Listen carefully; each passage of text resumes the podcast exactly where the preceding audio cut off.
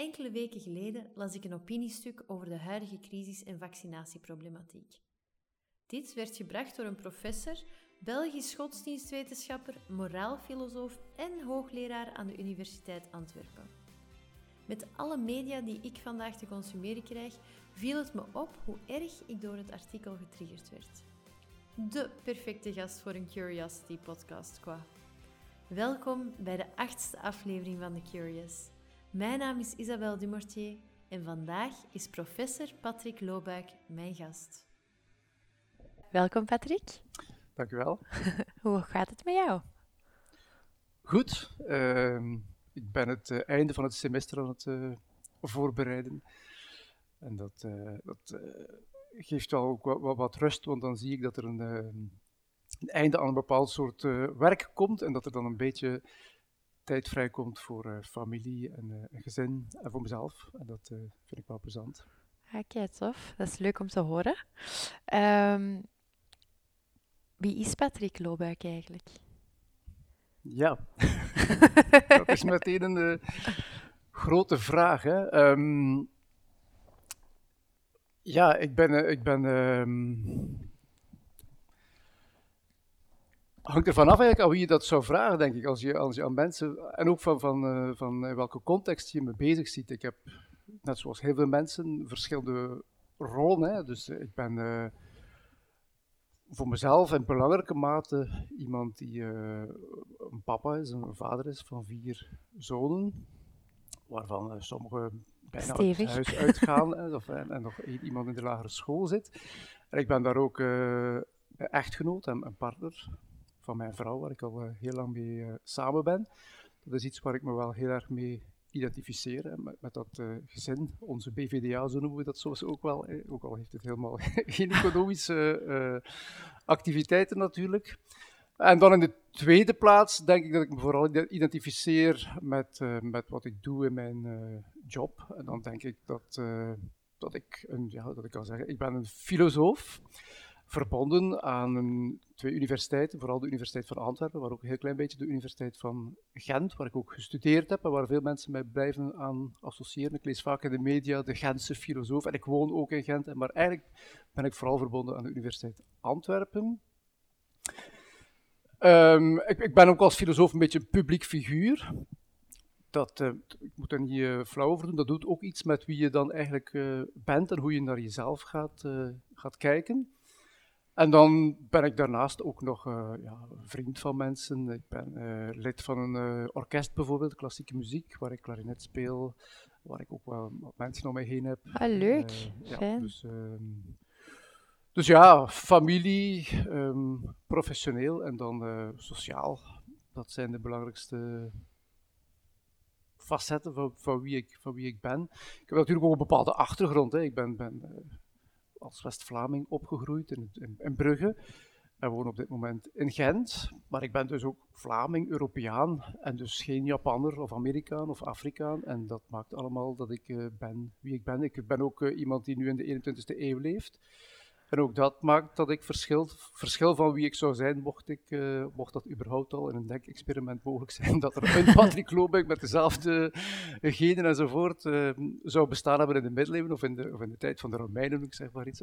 Dan, zou ik iemand helemaal, helemaal anders zijn. Hè. Het is ongelooflijk dat filosofen absoluut de meest interessante antwoorden geven op de vraag: wie bent u? Um, wat betreft uw, uh, uw professionele rol, hoe zouden uw ouders eigenlijk omschrijven wat u doet?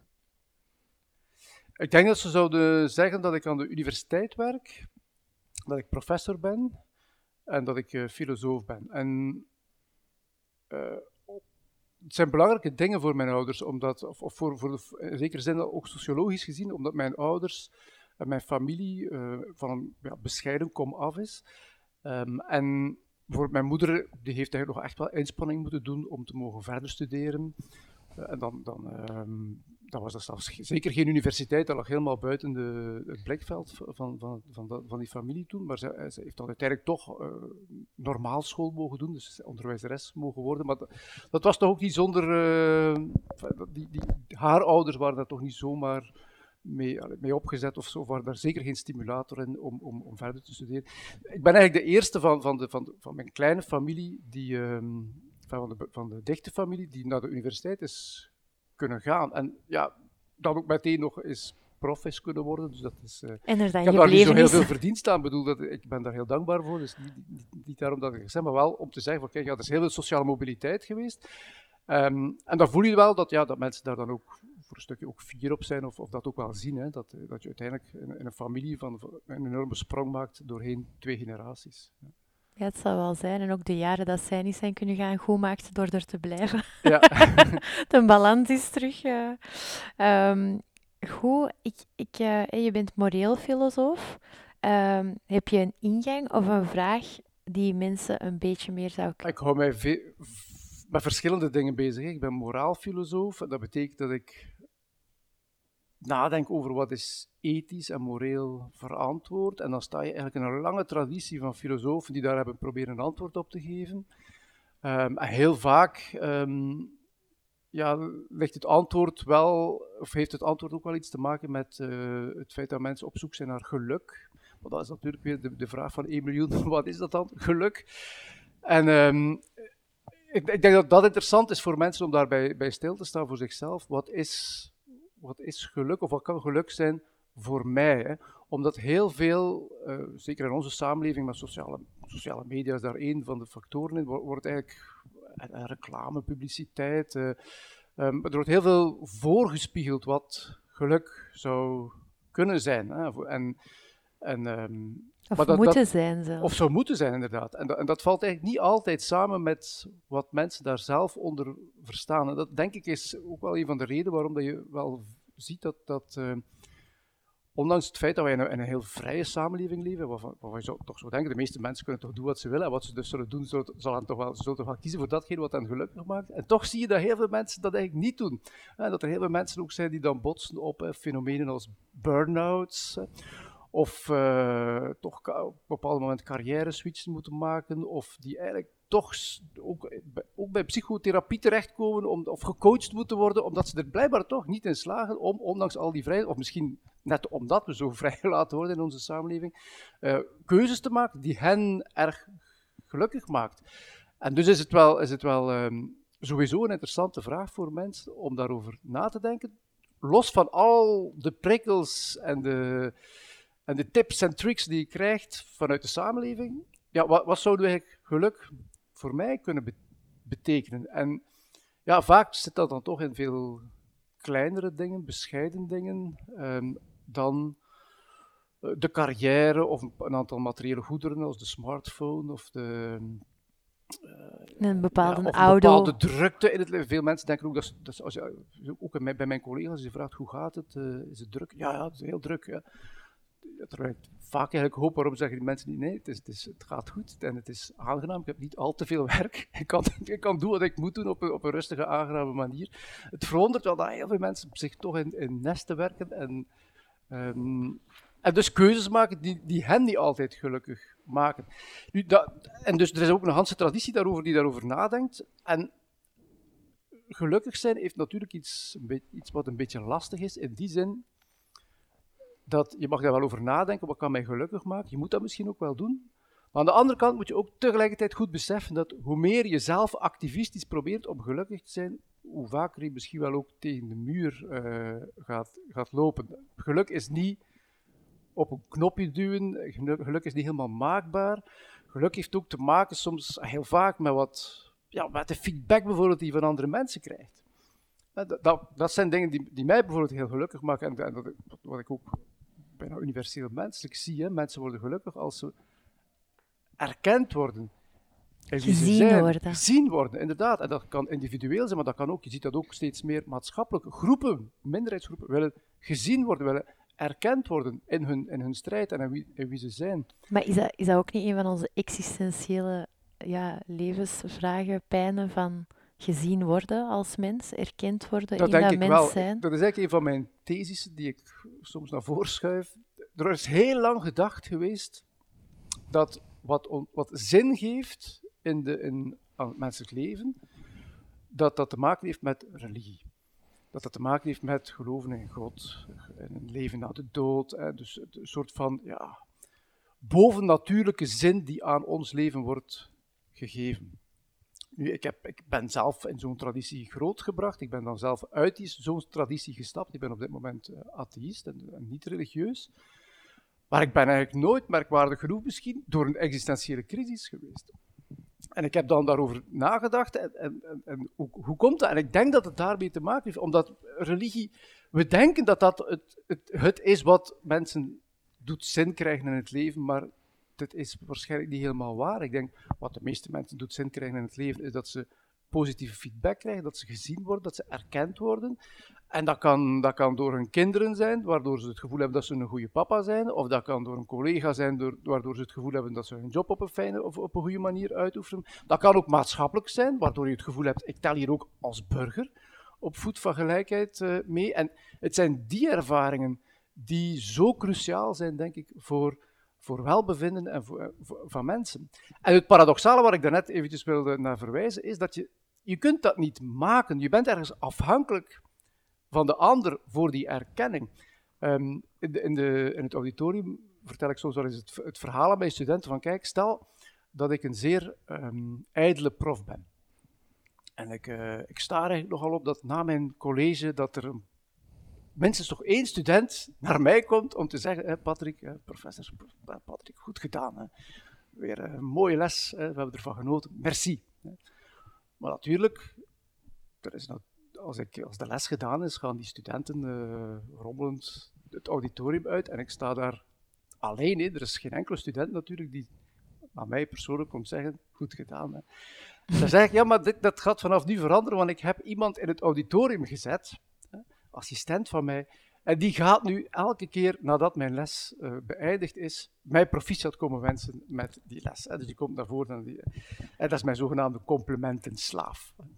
maar gevoeld, en gevoeld, eh, mensen moeten daarmee lachen natuurlijk. In het auditorium moeten mensen daar ook mee lachen. Omdat je voelt, dat, dat slaat natuurlijk nergens op. Hè. Want wat ik dan zou doen, is een soort van erkenning afdwingen bij anderen. En dit is natuurlijk het tegenovergestelde van wat echte erkenning is. Erkenning voor wie je bent kan pas erkenning zijn op, in een context waarin je ook miskend wordt of niet gezien wordt. Dus, en je kunt dat niet afdwingen. Stel dat jij, een, een, een, dat jij niet onvoldoende gezien wordt door je ouders en je zegt op een bepaald moment aan je vader aan de telefoon, ja, wanneer vraag jij eens aan mij, hoe gaat het met mij? Ik moet altijd vragen aan u, hoe gaat het? Maar jij, jij stelt nooit de vraag terug. En dat hij dan zou antwoorden, het is goed, ik ga zondag eens langskomen om tien uur en ik ga dan die vraag stellen. Je voelt, dat, dat slaat nergens op. Hè. Dus, en, en, dat is soms ook wel de, de, het, uh, het, tragische van die strijd naar herkenning, dat je mensen ziet, vraag, zie mij staan, zie mij staan, maar hoe meer dat je dat... Je kunt dat niet op een gekunstelde manier afdwingen. Want als je dat doet, dan, dan, dan, heeft, dan heeft het ook iets gekunsteld en, en valt ook de essentie van wat het dan is, om gezien te worden en herkend te worden, valt dan eigenlijk weg. Ja, en het is zo bij mij ook heel erg binnenkomt als je dat zegt, is ook, en ik denk dat daarin wel heel die beweging van zelfvertrouwen, jezelf graag zien, ook wel naar boven komt in de zin van, ja, wat je brengt in de wereld of wat je naar buiten brengt, is belangrijk om daar zelf ook blij mee te zijn, om die bijdrage te doen en ook los te laten wat mensen er dan van vinden. Want het is pas op die moment, denk ik, dat je effectief bewondering gaat krijgen of ja, mensen gaat hebben die... Als je krampachtig... Uh, gaat kijken hoe of, mensen, of mensen wel positief reageren op wat je hebt gezegd enzovoort, ja, dan, dan, eh, dan, dan maakt u dat ook niet gelukkig. Nee. nee. en dan is de vraag ook of dat de beweegreden, denk ik, van wat je zegt wel de juiste ja, klopt, is. Want ook, dat, ja, ja, want dat is natuurlijk ook het punt. Hè. Je, moet, je moet geen les geven, bijvoorbeeld, om achteraf dan die erkenning te, te krijgen van studenten. Nee, je moet lesgeven omdat je, omdat je graag lesgeeft. En als je daarin slaagt om die, dat plezier van lesgeven aan een groep over te brengen aan je auditorium, heb je veel meer kans dat studenten achteraf komen zeggen: Wauw, dat was wel een fijne les, dat heb je enthousiast gebracht. Dus je moet, je moet eigenlijk. Dat is een tweede punt, hè. dus je kunt, dat, je kunt dat niet maken, dat, dat is niet zo maakbaar of, of afdwingbaar, dat geluk.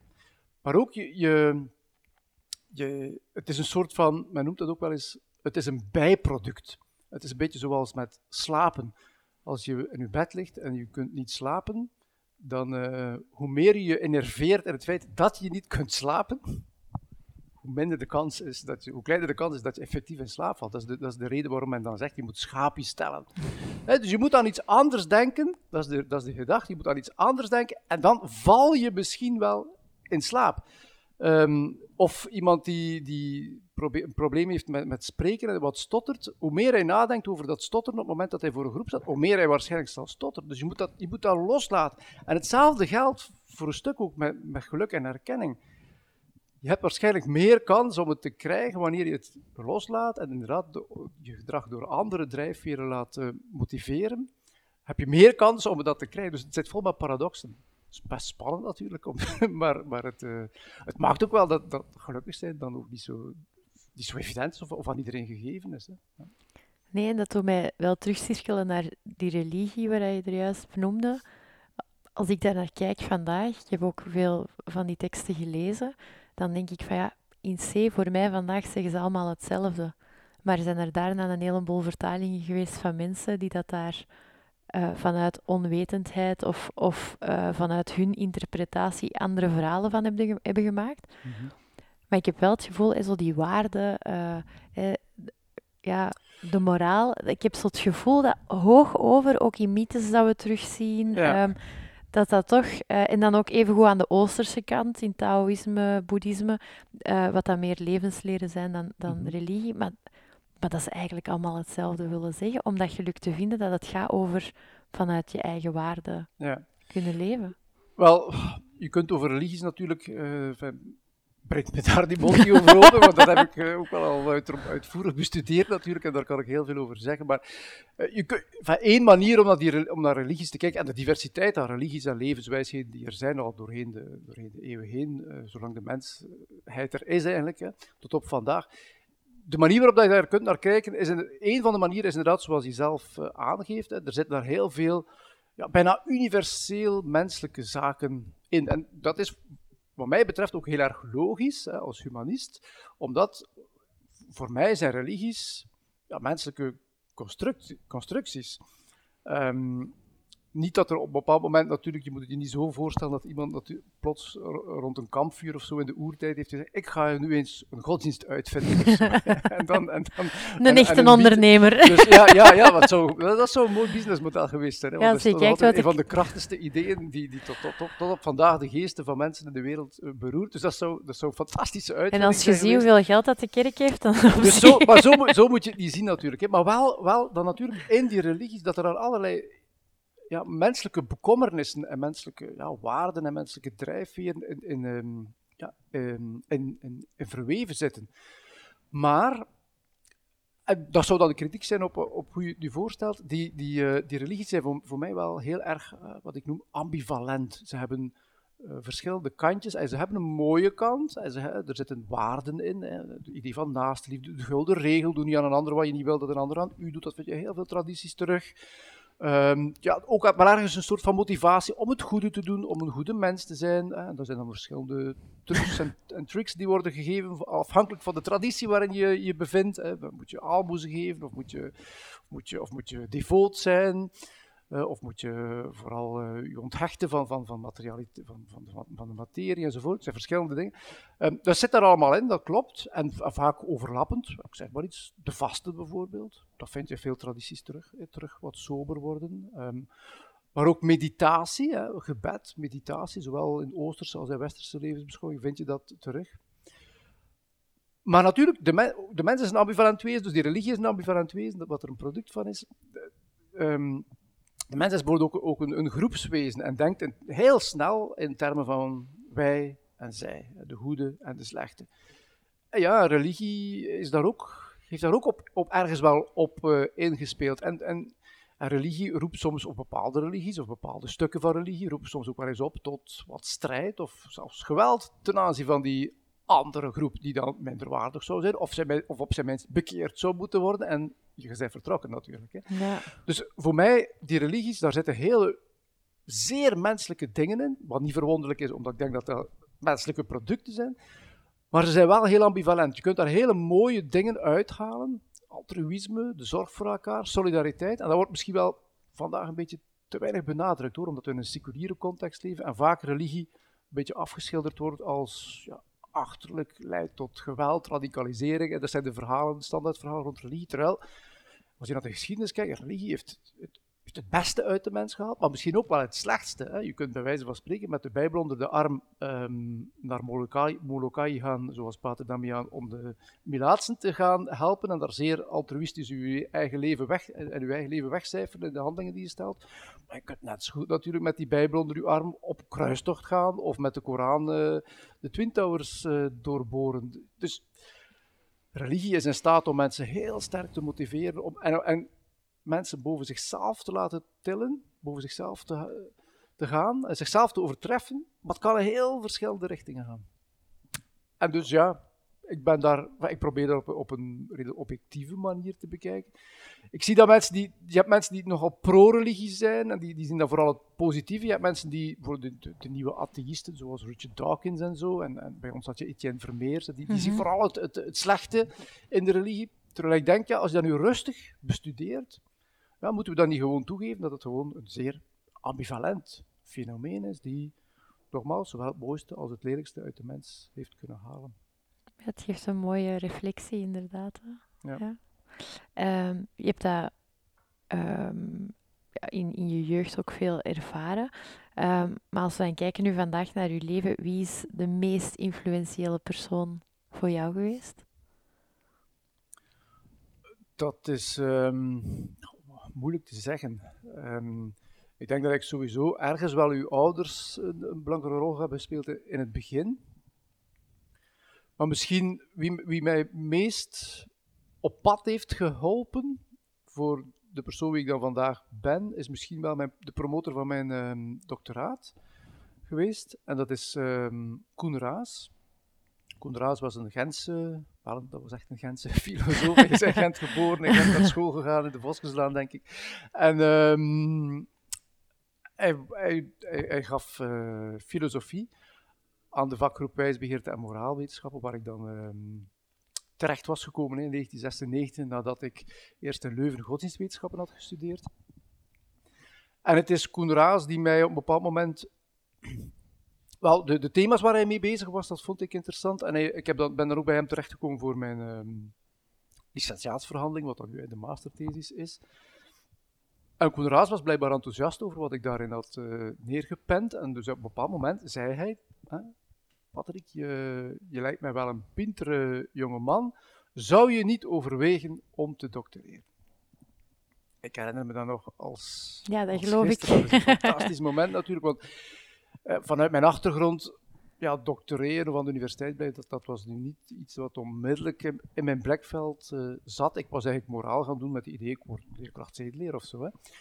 Dus dat, dat, dat, gaf mij wel een euforisch gevoel van, ik werd gezien, hè, ik werd uh, erkend in, wat ik had gedaan en met, die, met die scriptie. Um, en dus dat is één element. Mocht dat er niet geweest zijn, ja, dan was ik nu waarschijnlijk leerkracht Dus als er niet een prof was geweest die mij eventjes bij, de, bij het had genomen en gezegd van, man, eh, zou het u niet interesseren om op de universiteit te blijven, dan, uh, dan, uh, dan was ik daar ook waarschijnlijk nooit aan begonnen.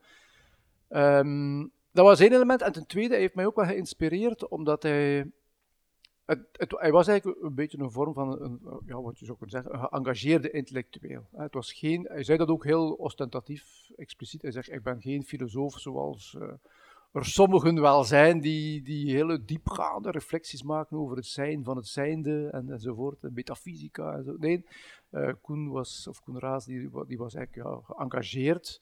Die, ging, die, die, die publiceerde in het Nederland, die publiceerde ook in kranten. Hij uh, probeerde het maatschappelijk debat ook daar, daarin zijn, zijn stem te laten horen. Hij ging ook spreken voor allerlei organisaties enzovoort. Ja, en als ik dan nu zie wie ik zelf geworden ben als academicus, um, ja, dan lijkt mij dat er daar inderdaad wel een soort van duidelijke invloed is. Dat, dat, uh, ik ben ook geen filosoof die zich, uh, die zich wil opsluiten in de, in de Ivoren Toren. Um, of zich alleen maar met highbrow publicaties wil uh, bezighouden. Ik ben iemand die graag uh, ook voor een breder publiek aanspreekt. En ik vind niet dat elke filosoof dat per se moet doen. Hè. Ik vind dat het goed is dat elk vogeltje zingt zoals het gebekt is, maar ik ben wel blij dat ik op die manier uh, mijn rol als academicus ook in de samenleving kan, kan invullen. En dat heb ik denk ik dus voor, voor een stuk aan, aan hem te danken.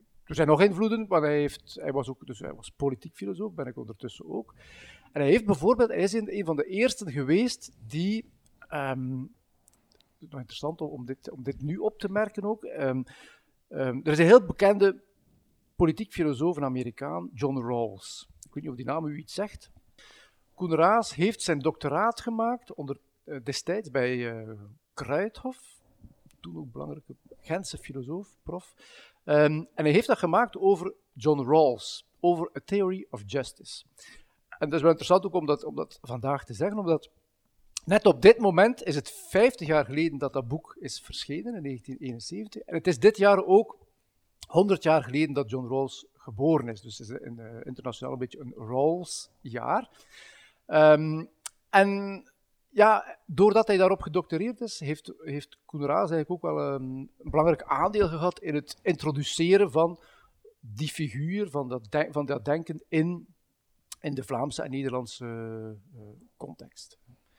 En het is een, het is een, uh, ja, een politiek filosoof die nadenkt over ja, wat, wat mag en moet de overheid doen opdat de samenleving rechtvaardig in elkaar zou zitten. En dat betekent voor hem dan niet alleen dat je grondrechten en fundamentele vrijheden moet garanderen aan mensen. Vrijheid van vereniging, vrijheid van meningsuiting, vrijheid van, uh, van, om aan politiek te doen ook bijvoorbeeld. Dit soort belangrijke grondrechten, die liefst ook in een grondwet vastliggen, zodanig dat we niet afhankelijk zijn van een of andere...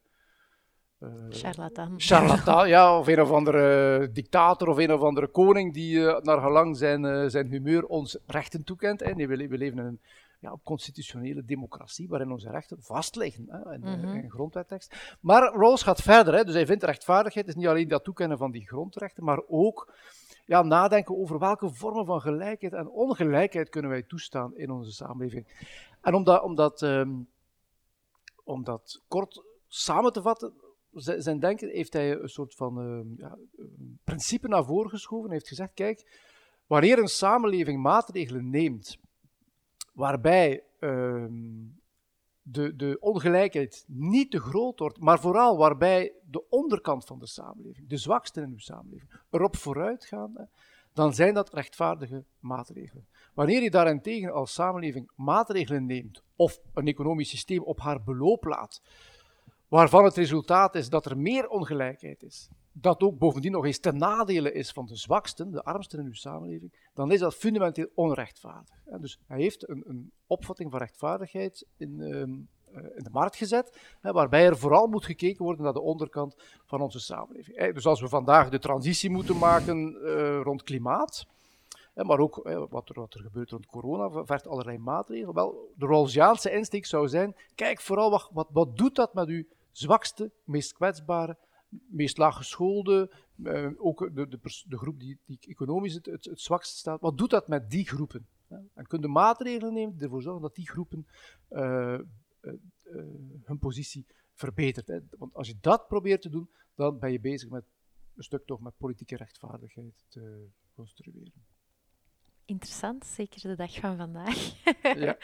uh, ik ga daar straks zeker meer vragen over stellen. Wat ik mij wel nog afvroeg, is, uh, je zei daarnet ook je ouders um, als, als uh, influentiële personen in je leven. Um, welke impact heeft je moeder gehad in wie je bent vandaag? Ja, ik vind het allemaal wat, wat, wel wat moeilijk te zeggen om daar dan precies de vinger op te, op te leggen. Um, ik denk dat het toch voor een stuk dankzij mijn ouders is dat ik um, bijvoorbeeld muziek ben gaan spelen. Want dat is, dat is niet iets wat je, of toch niet altijd iets wat je spontaan beslist als klein manneke van ik ga nu uh, muziek spelen. Maar het is, door dat, het is wel vooral door mijn vader die in een, in een ergens speelde. Um, ja, die dat wel wat stimuleerde, van zou je dan ook geen muziek doen? En ik, en ik had er wel oor naar. Dus ik ben, en dat is iets waar ik heel, heel dankbaar voor ben, voor ben omdat ik... Uh, heel vaak heb mogen ervaren dat samen muziek maken, dat dat eigenlijk een band schept tussen mensen. Um, en ik heb dat al van jongs af aan mogen ervaren, want ik ben altijd mee geweest op muziekkampen. Zowel met de kerstvakantie als de, als de grote vakantie ging ik een week op muziekkamp. En die groep die daar aanwezig was, die, die, die gaf eigenlijk altijd heel veel energie aan elkaar. En dat was eigenlijk heel fijn. En, maar toch, nogthans, als je dat van buitenaf bekeek, uh, als ik dat nu aan mijn kinderen vertel bijvoorbeeld, dan, dan is dat dan lijkt dat een ontzettend saai kamp. Hè? hij, moest een muziek spelen in wat grotere groep, dan muziek spelen in wat kleinere groep, dan koor, hè? ook nog hè, samen zingen. En dan, en dan, ook nog volksdans. Dus, dus, uh, moest, uh, dus, alles draaide rond die muziek. En dan vaak nog, hè, dus klassiek, dus niet de popmuziek waar, waar dan de meeste jongeren mee bezig waren. Uh, en toch, hè, toch was dat, dat, was, dat, was, dat, was, dat was een geweldige tijd die we daar met, met z'n allen hebben doorgebracht. En dan nadien ben ik ook nog in, waar ik nog altijd lid van ben, in een orkest terechtgekomen, mee ook opgericht, 25 jaar geleden in Brugge. Um, ja, en, ja dat, dat, dat voelt. Soms zijn er repetities waar je niet zo heel veel woorden hebt gewisseld met mensen, maar toch heb je door de blikken die je hebt gezien, door het samenspel, door de, de collectieve inspanning, Um, ja, je moet echt wel letterlijk de violen stemmen, uh, afstemmen op elkaar. Uh, en, en, goed, dat, dat, dat, dat schept een band. En dat, dus ik ben daar heel dankbaar voor dat ik, dat ik bijvoorbeeld dat stukje muziek, alhoewel zij zelf nu niet, hè, dus mijn vader speelde in een fanfare, was niet, was niet, niet de grote muzikant, hè, maar heeft wel dat, ja, dat is dan toch dat milieu dat, u, dat een zaadje legt van, van kijk, is dat iets voor u? En ik heb geluk gehad dat ik dat heb kunnen doen. Kijk, tof. Oh, dat is fijn. Dat is inderdaad mooi, dat is ook gewoon om te horen. Ik heb een zevenjarige en uh, ja. staat niet te springen om naar de muziekles te gaan, maar ik kan hem toch een beetje pushen, denk ik. Ja, maar dat is ook dubbel. Hè, want ik heb, dus ik, maar ik, ik, dat is, opvoeden is, is lastig, want je hebt heel snel projectie natuurlijk. En uh, bijvoorbeeld bij mijn eigen kinderen vond ik, ik, vond ik dat zo evident dat ze inderdaad naar de muziekschool zouden gaan. Omdat voor mij geluk, waar, waar we het daar net al over hadden, heeft voor een groot stuk ook te maken met het kunnen spelen van muziek. Bij momenten toch. En dus ik wil dat ook, die, zeker die kans geven aan mijn kinderen. Maar um, goed, bij de een heeft dat gewerkt en bij de ander niet. En bij de jongste, daar zijn we zelfs niet meer aan begonnen, want die was totaal niet geïnteresseerd. Dus, en maar daar ook wel het gevoel van, we gaan pushen of zo, dat heeft geen zin. Dus er moet wel een soort van, toch een beetje spontane interesse Iets of wat zin in zijn. Ja. ja. dat begrijp ik. ik ga hem toch eens zo ergens naartoe sturen, dat hij het eens kan proberen in ieder geval. Um, we zijn vandaag in, in een crisis. Hè. Het, is, uh, het is december 2021. Uh, in begin deze crisis ben u zich verder gaan verdiepen in alles wat wetenschap en democratie was. Als ik mhm. dat juist um, gevonden had. In Knak zei ook dat de legitimiteit van politieke beslissingen nog steeds bij de burger ligt en niet bij de wetenschap. Um, en wat ik mij dan afvraag, maar als we dan burgers zijn zoals die in België, die toch vrij braaf zijn, hè, die dan mhm. niet snel in opstand komen, niet snel hun stem laten horen. Um, ja, wat dan? Ja, wel, inderdaad, die coronacrisis heeft mij wel doen nadenken als politiek filosoof ook over die relatie inderdaad tussen experten en, en, um, en politiek. En ik denk dat we, dat we niet kunnen ontkennen dat er, dat er een soort van verschuiving heeft plaatsgevonden. Dus zeker bij de eerste lockdown, maar eigenlijk nu zie je het weer opnieuw, hè, want je ziet die cijfers.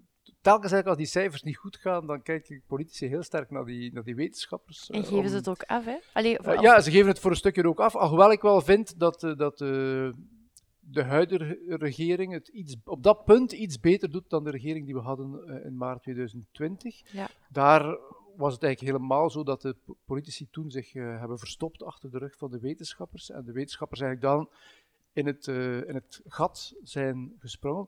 Maar je kunt niet, ja, je kunt niet ontkennen dat, en als, als politiek filosoof is vond ik dat wel lastig. Dus, ik, dus enerzijds als burger was ik blij dat er experten waren die uh, van hun verantwoordelijkheid namen en op de ernst van de situatie hebben gewezen en voorstellen hebben gedaan over welke maatregelen er moesten genomen worden. Anderzijds bloedt wel een beetje mijn hart als politiek filosoof dat ik zie, dat, dat loopt natuurlijk nu op dit moment en ook toen niet, in 2020 volgens het boekje. Want volgens het boekje is het zo dat, waar, ik terecht op wijs, het zijn politici die uh, moeten beslissingen nemen en niet wetenschappers. Nu, het, is nog altijd, zijn nog altijd politici, maar ze worden wel heel erg natuurlijk gestuurd door, door die wetenschap. En daar kan je allerlei discussies over voeren, hè, of, of dat dan wel divers genoeg is, die stem van de wetenschappers, en of de, en of dus wetenschappers, uh, je kunt daar allerlei discussies over voeren. Um, maar goed, ik ben zeker niet, maar vooral duidelijkheid, zeker niet voor het feit, of tegen het feit dat politici hun oor te luisteren leggen bij wetenschappers. Het zou, nee, nee. natuurlijk uh, de, de reinst, uh, of het zou natuurlijk waanzin zijn om, om beleid te gaan voeren die, die, die losstaat van wat, we, van wat de voorlopige beste kennis is van hoe de wereld in elkaar zit. Hè. Dus het is een belangrijke taak van politici om te proberen te capteren wat er wetenschappelijk over een aantal zaken geweten is. En dat geldt voor het klimaat, dat geldt voor gezondheidsbeleid, Uh, Dat geldt ook voor, voor armoedebestrijding, dat je misschien toch wel eens je oor te luisteren legt van wat, wat, wat is daar academisch gesproken over, over geweten. Uh, maar het zijn het, inderdaad, à la limiet moet het altijd, moeten het altijd de politici zijn die uh, beslissingen nemen. En dat heeft verschillende redenen. Eentje heb je al naar verwezen. heeft te maken met legitimiteit. Als als de wetenschappers beslissingen zouden nemen, hè, Pierre van Damme, Erika Vliegen en Mark van Rans, die zouden beslissingen nemen, ja, dat zijn belangrijke beslissingen die ook aan mijn vrijheid raken, soms aan mijn portefeuille raken enzovoort. Maar ik kan, daar, ik kan ze niet wegstemmen. Dus dat is, dat is eigenlijk dat is dat, totaal ondemocratisch. Vandaar dat, die, dat die de ultieme beslissing bij de politici moet liggen, die je Policy schrijven die je, die je kunt afrekenen uh, of bevestigen, bijvoorbeeld via verkiezingen. Mm -hmm. um, maar er zijn ook redenen hoor. De, een andere belangrijke reden uh, is dat, en daar is wel vaak eens wat misvatting over, ook in verband met de klimaatcrisis, wat we moeten doen, de, de afweging die we moeten maken, politiek gesproken, over welke maatregelen we gaan nemen, welke keuzes we maken, dat vloeit niet logisch voort, strikt logisch voort, uit de wetenschappelijke beschrijving van de wereld. Mm -hmm. En dat is een beetje een misvatting. Hè. Er is, um, um, het is niet omdat je bijvoorbeeld zegt, een eenvoudig voorbeeld, roken schaadt de gezondheid. Hè. Iedereen is het daar hopelijk ondertussen over eens. Roken schaadt de gezondheid. Wat, wat, betekent dat nu? Politiek gesproken, moet de staat dan de sigaret verbieden? Of, of, of niet? Moet u dat aan de burgers overlaten? Of moet je op bepaalde plaatsen het, uh, de sigaret verbieden? Uh, Goed, we hebben daar ook trouwens als samenleving uh, een hele weg in afgelegd. Hè. Ik heb daarnet gezegd, um, ik heb op de Universiteit in Gent gestudeerd. Op dat moment, als ik moraalwetenschappen deed, kreeg ik les van professoren die aan het roken waren. Ja. En Koen Raas, die zat rokend in zijn lokaal op het moment dat hij dat gezegd heeft van zou je niet uh, gaan doctoreren. Hè. Dus, dus dat, dat, zou vandaag totaal ondenkbaar zijn, hè, maar dat was toen, we hebben daar een weg in afgelegd. Maar ik wil maar zeggen, het is niet omdat je iets, het is de, de, de beschrijving van de wereld. Bijvoorbeeld, stel dat een econoom zou zeggen, zwart werk is de smeerolie van de economie. Stel dat je dat kunt aantonen, dat er, dat positieve kanten aan Wat betekent dat dan voor je beleid? Dat je zwart werk moet gedogen, stimuleren, tegenwerken, verbieden, omdat je zegt van het mag wel smeerolie zijn van onze, van onze economie. Ik ben tegen zwart werk, omdat dat arbeiders in precaire posities zet, slechte arbeidsomstandigheden enzovoort. Dus en hetzelfde geldt met, met klimaat. Hè. Vergis u niet, we moeten die CO2 naar beneden krijgen. Maar hoe? Met kernenergie? Zonder kernenergie? Wie betaalt wat? Wie neemt welke verantwoordelijkheid? Wat is de rol van de, van de geïndustrialiseerde landen versus de rol van de ontwikkelingslanden? Enzovoort. Dat zijn, hoe je het ook draait of keert, politieke keuzes die daar moeten gemaakt worden. En daar mag je zoveel klimatologen over aanspreken die, die je maar wil. Hè de politieke keuzes vloeien niet logisch zomaar uit de beschrijving van de wereld. En daarom, dat is ook een belangrijke reden waarom uiteindelijk de beslissingen altijd politiek gevoerd, politiek moeten zijn en niet uit hoofden van de, van de wetenschappers.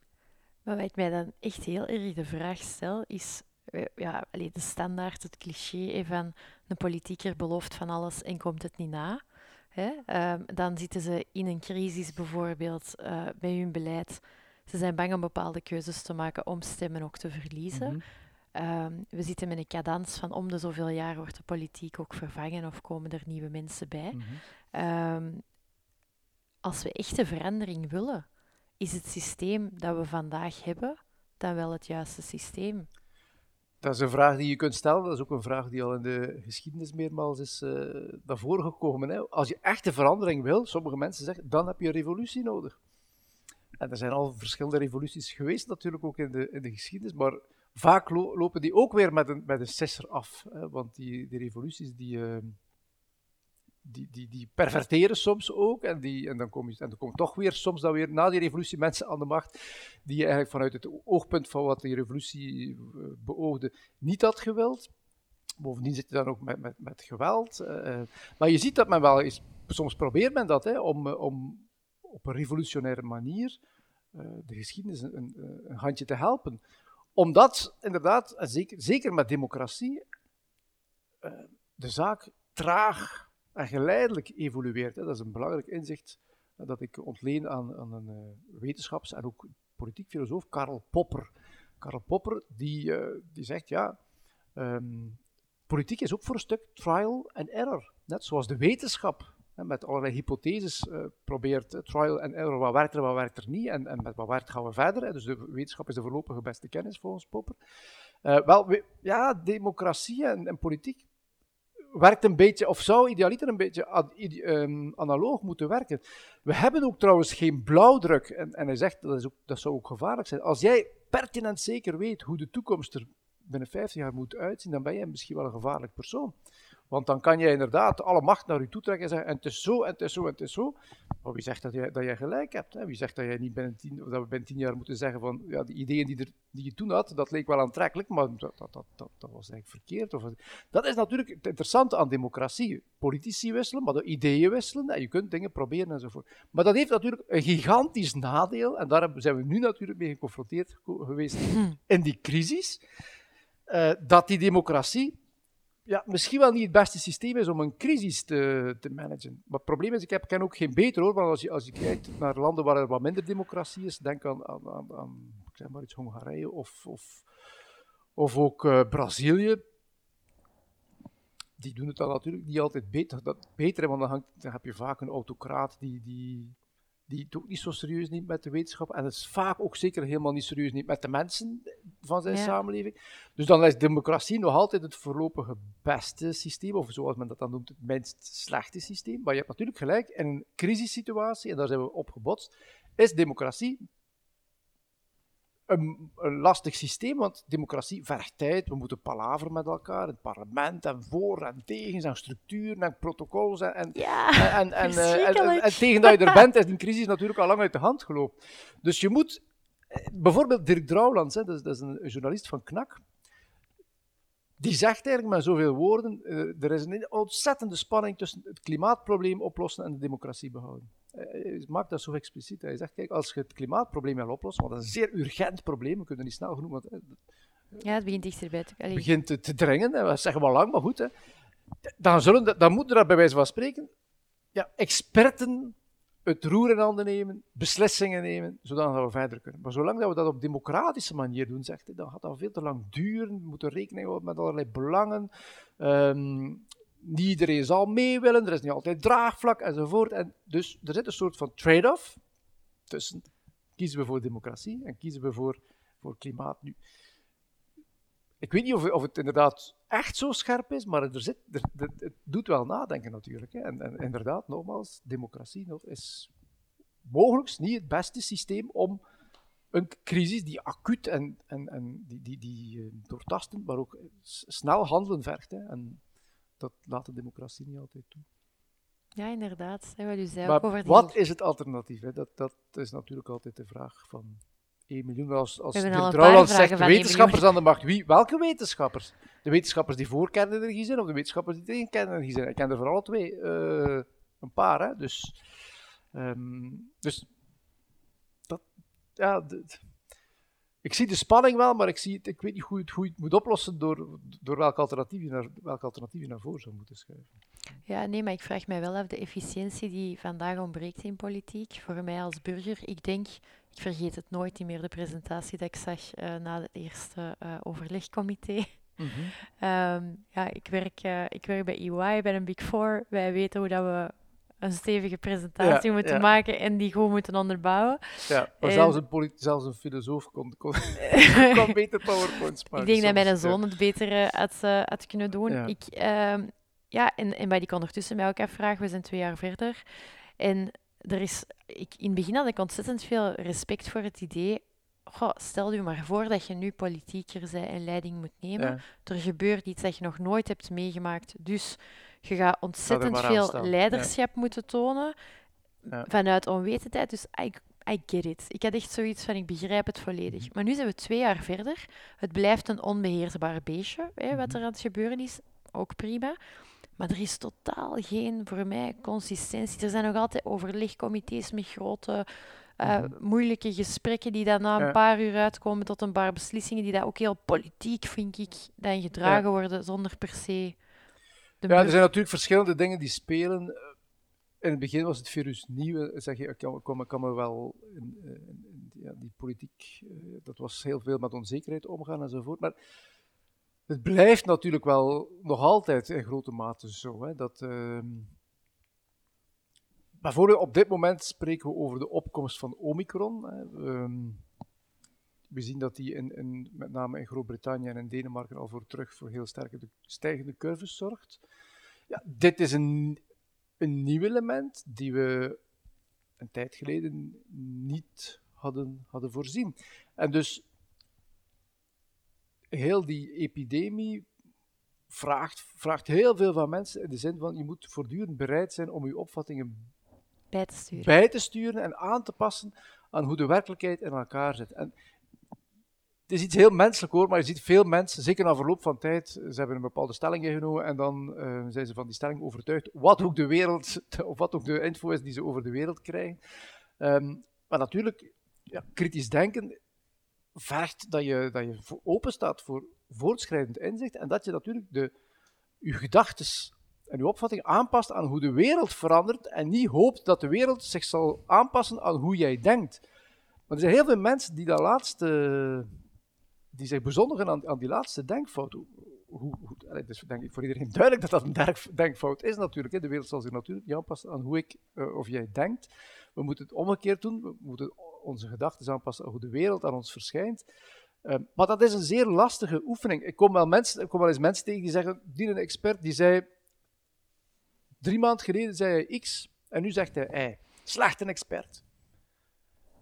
Ja, maar ja, je moet eerst eens gaan kijken, dan, Misschien zei die persoon dan X op basis van de voorlopige beste kennis op tijdstip T. Had, ja. En zegt hij Y, omdat na verloop van tijd hij nieuwe informatie heeft gekregen, of dat de wereld al veranderd is, een nieuwe variant bijvoorbeeld, en dus hij, hij, heeft zijn opvatting daaraan aangepast. Ik zou zeggen, goede expert natuurlijk. Hè. En dit is natuurlijk wat heel lastig is voor mensen, hè, dat ze zien dat opvattingen kunnen, kunnen veranderen, dat, dat mensen hun ideeën moeten, moeten um, aanpassen. Dat is sowieso al lastig en in een crisissituatie lijkt dat nog, nog lastiger uh, te zijn. Ik zie daar veel mensen mee worstelen. Nochtans, is dat voor een stuk wat, wat, wat je natuurlijk nodig hebt hè, om, uh, om een goede wetenschapper of om, een kritisch denken te doen, is die openheid. En het, het, ik vind dat het heel veel intelligentie toont. Ja. Als mensen bereid zijn om wat dat ze dachten dat waar was. Ja het toont, intelligentie toont ook een stuk nederigheid. Hè? Als, je dat, als je bereid bent om, om te zeggen, ik, was, ik, was toen, ik heb toen zo gedacht en, en dat was, bleek achteraf gezien niet het juiste te zijn. Tegelijkertijd begrijp ik ook goed waarom het zo moeilijk is hoor, voor mensen. Er is eigenlijk steeds veel, meer onderzoek dat aantoont dat onze hersens zijn eigenlijk helemaal niet op zoek naar voortschrijdend inzicht. onze, onze hersens, er is zo'n boekje verschenen, de, de, de, de het ontsnapt me nu de naam. De, de, in het Nederlands zou je kunnen zeggen, het is de, uh, de, scout, de scout mindset is het boekje. Hè. Dus, uh, waarin die, die, die auteur pleit voor een, uh, ja, een geest die zich verkennend openstelt voor hoe de wereld in elkaar zit, als een verkenner. Hè. Mm -hmm. Maar zij zegt, ja, hoe functioneert ons brein? Als we het intuïtief laten functioneren, dan functioneert het als een soldaat die afwijkende meningen voortdurend probeert af te knallen. Uh, ons brein functioneert als een advocaat van het eigen gelijk. Uh, kijk maar op sociale media. Elke discussie is daar een voorbeeld van. Hè? Op Facebook, op Twitter. Mensen die niet in discussie gaan met elkaar vanuit het idee: tja, jij denkt iets anders dan ik. Waarom denk je dat nu juist? Wat zijn uw argumenten? Misschien kan ik van u wel leren, misschien heb ik nog een blinde vlek of zo. Nee, nee we discussiëren om de andere, uh, om te tonen dat de ander totaal verkeerd is, dom is verkeerd, uh, en het eigen gelijk. En en dat is wel hoe ons brein, als we niet opletten, zonder onderwijs, zonder, zou, uh, hoe ons brein werkt. Het is vooral bezig. Er is ook zo'n heel bekend fenomeen, in het Engels noemt dat, uh, heet dat de confirmation bias. We gaan eigenlijk voortdurend op zoek naar die onderzoeksrapporten, die internetpagina's, die experten, die het standpunt die wij al intuïtief via ons buikgevoel hebben ingenomen, bevestigen. Um, je kunt dat heel makkelijk op allerlei punten documenteren. Um, maar dat is natuurlijk geen kritisch denken. Hè. Dat, is, dat is kersen plukken. Hè. Je, je, je, zoekt datgene uit de werkelijkheid dat bij je opvatting uh, past. En als je lang genoeg zoekt, vind je altijd wel iemand of iets die, die je opvatting bevestigt. Maar dat is natuurlijk het omgekeerde van wat van ons gevraagd wordt. Uh, namelijk een soort openheid aan gaan kijken van misschien is datgene wat ik denk nog niet helemaal juist, of misschien zit het er helemaal naast. Dus ben ik bereid om mijn opvattingen bij te sturen, of eventueel aan de, aan de kant te zetten, nieuwe opvattingen te aanvaarden? Dat is voor veel mensen echt een heel lastige oefening. Ik vind het heel uh, confronterend vandaag, hoeveel polarisatie dat er in de wereld gebeurt. Het was al aanwezig uiteraard voor de crisis, ja. maar het lijkt alsof de crisis het nog extra voedt. Ja, wel, ik denk dat ook de crisis een, een, een, onderwerp van polarisatie is geworden. Voor de crisis hield ik mij ook al wat bezig met polarisatie, maar dan vooral in, termen, in, in, in functie van het minderhedendebat. Mm -hmm. de, de, plaats van de islam in onze samenleving, de hoofddoek, de burkini, dat waren heel gepolariseerde thema's. Um, en met polarisering be bedoel ik dan iets heel specifiek, hè, want, want het is niet omdat wij van mening verschillen, dat wij in een gepolariseerde discussie of zo zouden zitten. Want nee, eh, absoluut uh, democratie is georganiseerd meningsverschil. Dus ik heb absoluut geen, geen probleem met uh, het feit dat wij over allerlei dingen van mening zouden verschillen.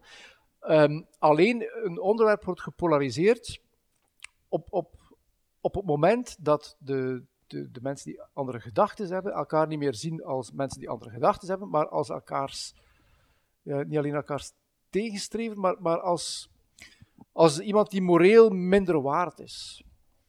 Um, ja, iemand die, die nog niet helemaal mee is. Iemand die nog niet, die niet helemaal heeft begrepen.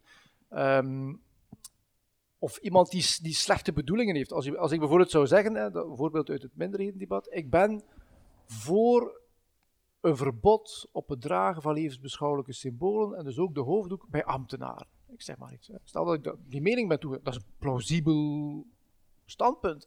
Maar dan loop je heel sterk het, risico, um, als, je, als je dat zegt, zeker als je dat op sociale media ook hoort, dat, je dan na twee tweets of antwoorden ben je wel een racist. Of zet je bij extreem recht of zo. Terwijl ik dat, dat helemaal, dat is een valabel standpunt dat je kunt verdedigen. En hetzelfde zie je natuurlijk in coronatijd. In het begin was er heel veel solidariteit. De experten waren onze heroes. We zijn misschien al een beetje vergeten, maar Mark van Rans, er werden liedjes voor hem gemaakt. Hij was mega populair van links tot rechts. Ondertussen is die solidariteit aangetast, is er tweedeling, is er polarisatie. Um, Heeft hij ook bepaalde keuzes gemaakt in dat traject? Mogelijk, ja, dat zou nog eens moeten nader onderzocht worden, in hoeverre dat je daar ook inderdaad een rol heeft gespeeld. Maar wel dat je natuurlijk ziet, hebben niet de neiging natuurlijk om op onze zakdoek dan uh, van Vlaanderen te zeggen, ja, Mark van Rans heeft daar ook een rol in gespeeld. Maar je ziet het overal. Hè. Het je ziet dat Marion hè? Koopmans uh, in Nederland ook bedreigd wordt. je ziet wat de virologen in Duitsland, de virologen in de Verenigde Staten. Dus, Ja. Het is een kopie. dus je kunt, ja, heeft Mark van Rans als persoon en zijn karakter een rol gespeeld. Mogelijk, misschien, ja, maar aan de andere kant moet je toch wel vaststellen dat er in heel veel landen gelijkaardige fenomenen van Maar wat polarisatie ik spelen. interessant vind, is dat in al die landen zij op een moment heel politieke eh, opvattingen zijn beginnen maken. Allemaal bijna, denk ik. Dus het is interessant hoe dat zij in hun rol als wetenschapper Ja. naar voren zijn geschoven een bepaald podium krijgen. En daarin ook, doordat de politiek zich waarschijnlijk erachter verschuilt, zelf statements beginnen maken die eigenlijk niet meer passen binnen in Ja. de rol dat hun gevraagd wordt op dit Ja. moment. Wel, de rol die hen gevraagd wordt, ik denk dat, hun- dat hun rol wel, dat, dat ze dat wel vaak gevraagd werden. Maar ik heb mij er ook heel vaak aan gestoord. Bijvoorbeeld in de media is er op dat punt te weinig reflectie geweest over wat kunnen we nu aan een expert vragen en wat moeten we aan een politicus vragen. Ja, goed punt. Waardoor dat, eh, waardoor dat inderdaad die experten, en misschien hadden ze, hadden ze inderdaad assertiever moeten zijn en zeggen van, daar geef ik nu geen commentaar op, dat is mijn business niet. Ik zeg alleen dat wanneer je die maatregelen zou nemen, dat dan, dat dan het virus op die manier zal, eh, ehm, of de curve op die manier zal dalen, wanneer je dat niet doet, dat de curve op die manier zal stijgen enzovoort. Dat je daar een soort eh, ja, ehm, scenario's uittekent als wetenschapper en zegt, kijk, dit zijn de scenario's, het is nu aan de politiek om te beslissen. Eigenlijk zo zou, zou het moeten. Hè? Dus die, Maar ook heel maar die wetenschappers hebben natuurlijk zelf pleidooien gevoerd voor lockdowns, eh, zich gemoeid in de discussie over mocht je naar je tweede bedrijf of niet. Zeg. Ik herinner me zelfs een discussie tussen Mark van Ranst en, en eh, Jean-Marie de Dekker over zijn terrassen op, op de dijk. Dan denkt je, nee, dat, dat is een politieke discussie, dat heeft, dat heeft niks meer met virologie te maken.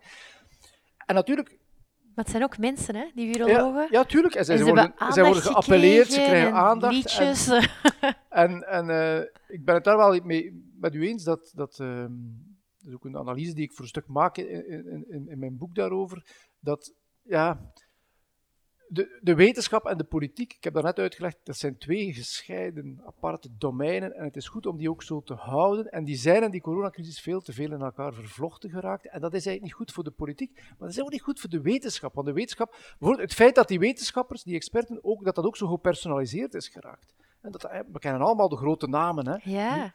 Het is eigenlijk ook niet hoe wetenschap werkt natuurlijk. Hè. Wetenschap werkt niet met, ja, met enkele uitzonderingen van Darwin en Newton en zo, maar ook dat is eigenlijk soms al gekunsteld, want al die mensen staan ook op, staan ook op, de, op de schouders van, van vele andere mensen. Wetenschap is een heel collectief sociaal proces, hè, waarbij je informatie uitwisselt, waarbij je met elkaar in gesprek gaat, waarbij je probeert elkaars hypothesen onderuit te halen enzovoort. Uh, dat is wetenschap.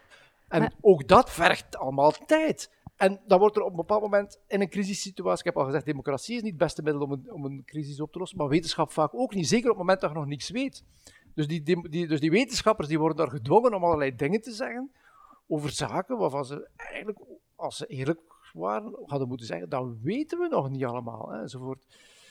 Maar langs de andere kant, de Mark van Rans bijvoorbeeld, om een voorbeeld te geven, of viroloog X, krijgt na jaren onderzoek een podium Um, en dat voor mij circles back naar waar we het in het begin van dit gesprek over hadden. Ontzettend veel erkenning als mens, ontzettend veel. My wow, dank je dat je er ja, En hij geniet ervan. En je geniet ervan. Het is zo, maar het is ook zo menselijk, denk ik, om dan misschien even jezelf, en ik zeg niet dat hij dat doet, ik weet het niet, uh, om jezelf even te verliezen en in die andere rollen te stappen, die dat eigenlijk misschien op deze moment je rol niet waren. Ja, ja. Maar nogmaals, ik vind dat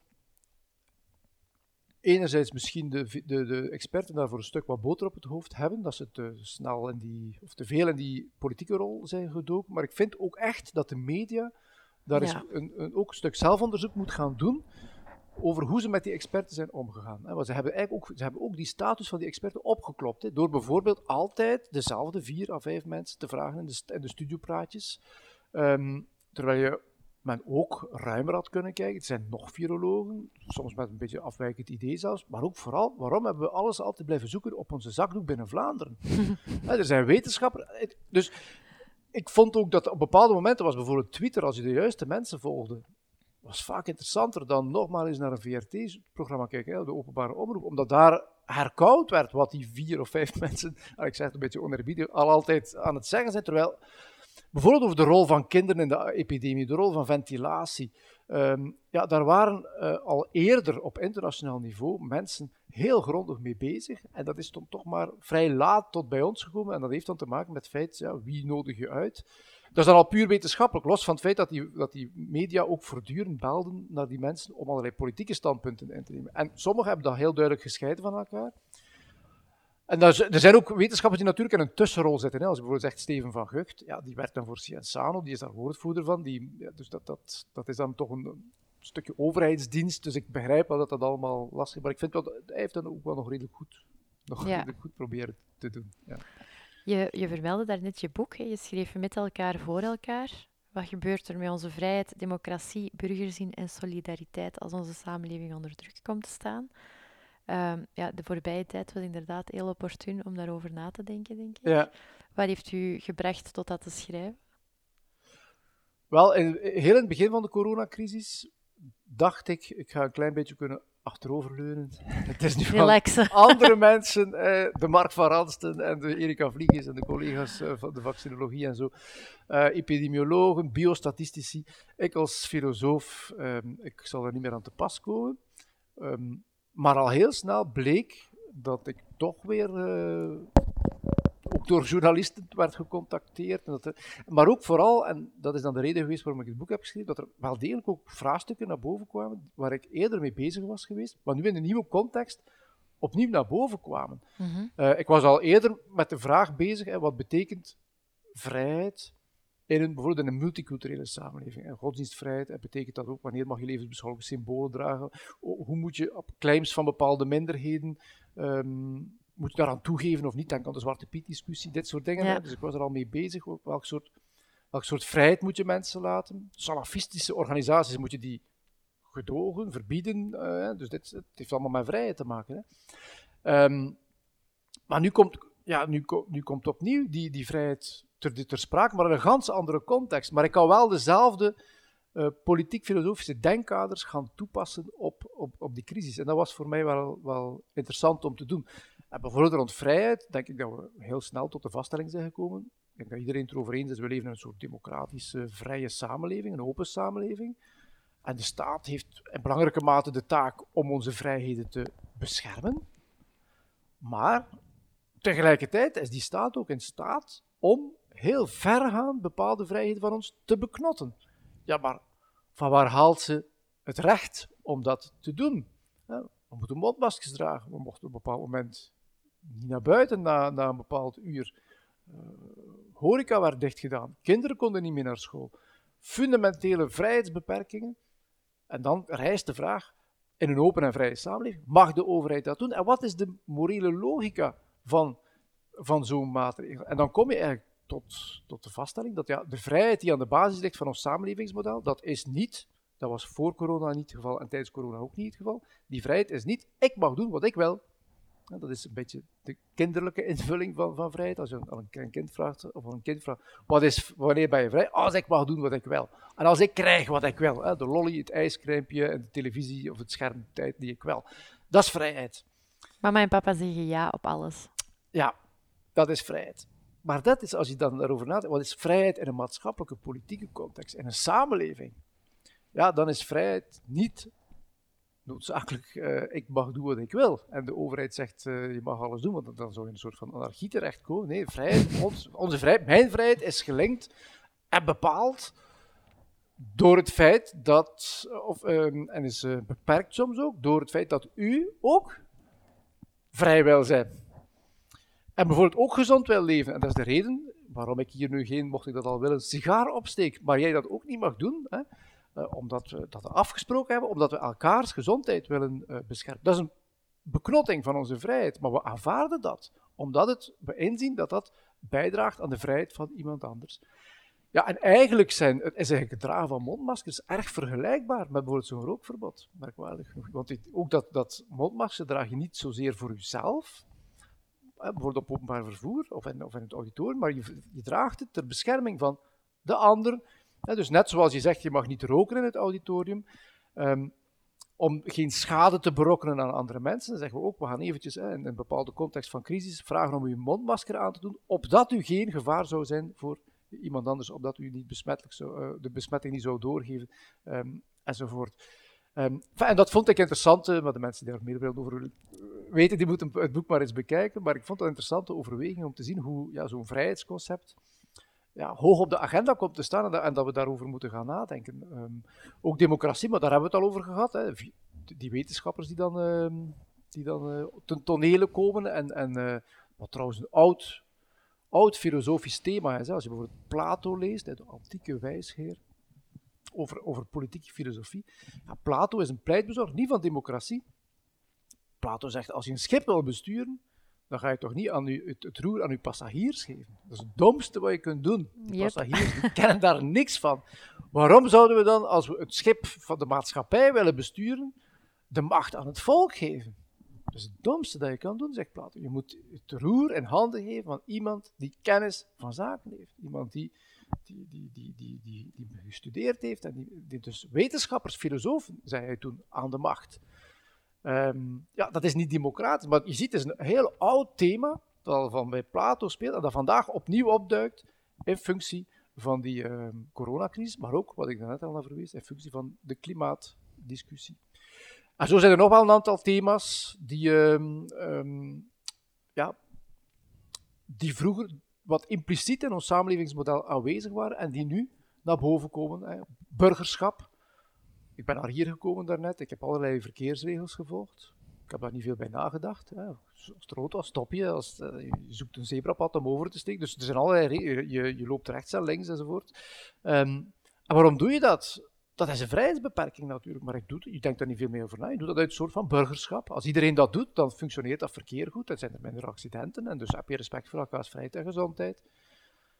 Um, maar goed, op een bepaald moment zijn we natuurlijk wel in de coronacrisis met ontzettend veel regels geconfronteerd geweest, die niet altijd controleerbaar waren door de overheid en die som, waarvan we soms ook al dachten, gaat dat nu wel niet te ver. Denk aan de kerstmis en nieuwjaar vorig jaar. Dan ging de overheid bij wijze van spreken zelfs opleggen hoeveel mensen bij u naar het toilet mochten. Ja. Ehm, je mocht wel in de tuin, maar je mocht niet door je garage naar de tuin. Dit soort dingen eh, waarvan iedereen wel een beetje aanvoelt van dat is nu toch wel... Nu slaat de overheid door. Hè. Dat is Ja. overregulering. Ik hield toen ook een beetje mijn hart vast, want ik dacht, als de overheid dat gaat handhaven, dan ga ik eh 1 januari naar het nieuws kijken en gaan er allerlei mensen opgepakt zijn en zal er van alles gebeurd zijn. Ja. En boetes. En...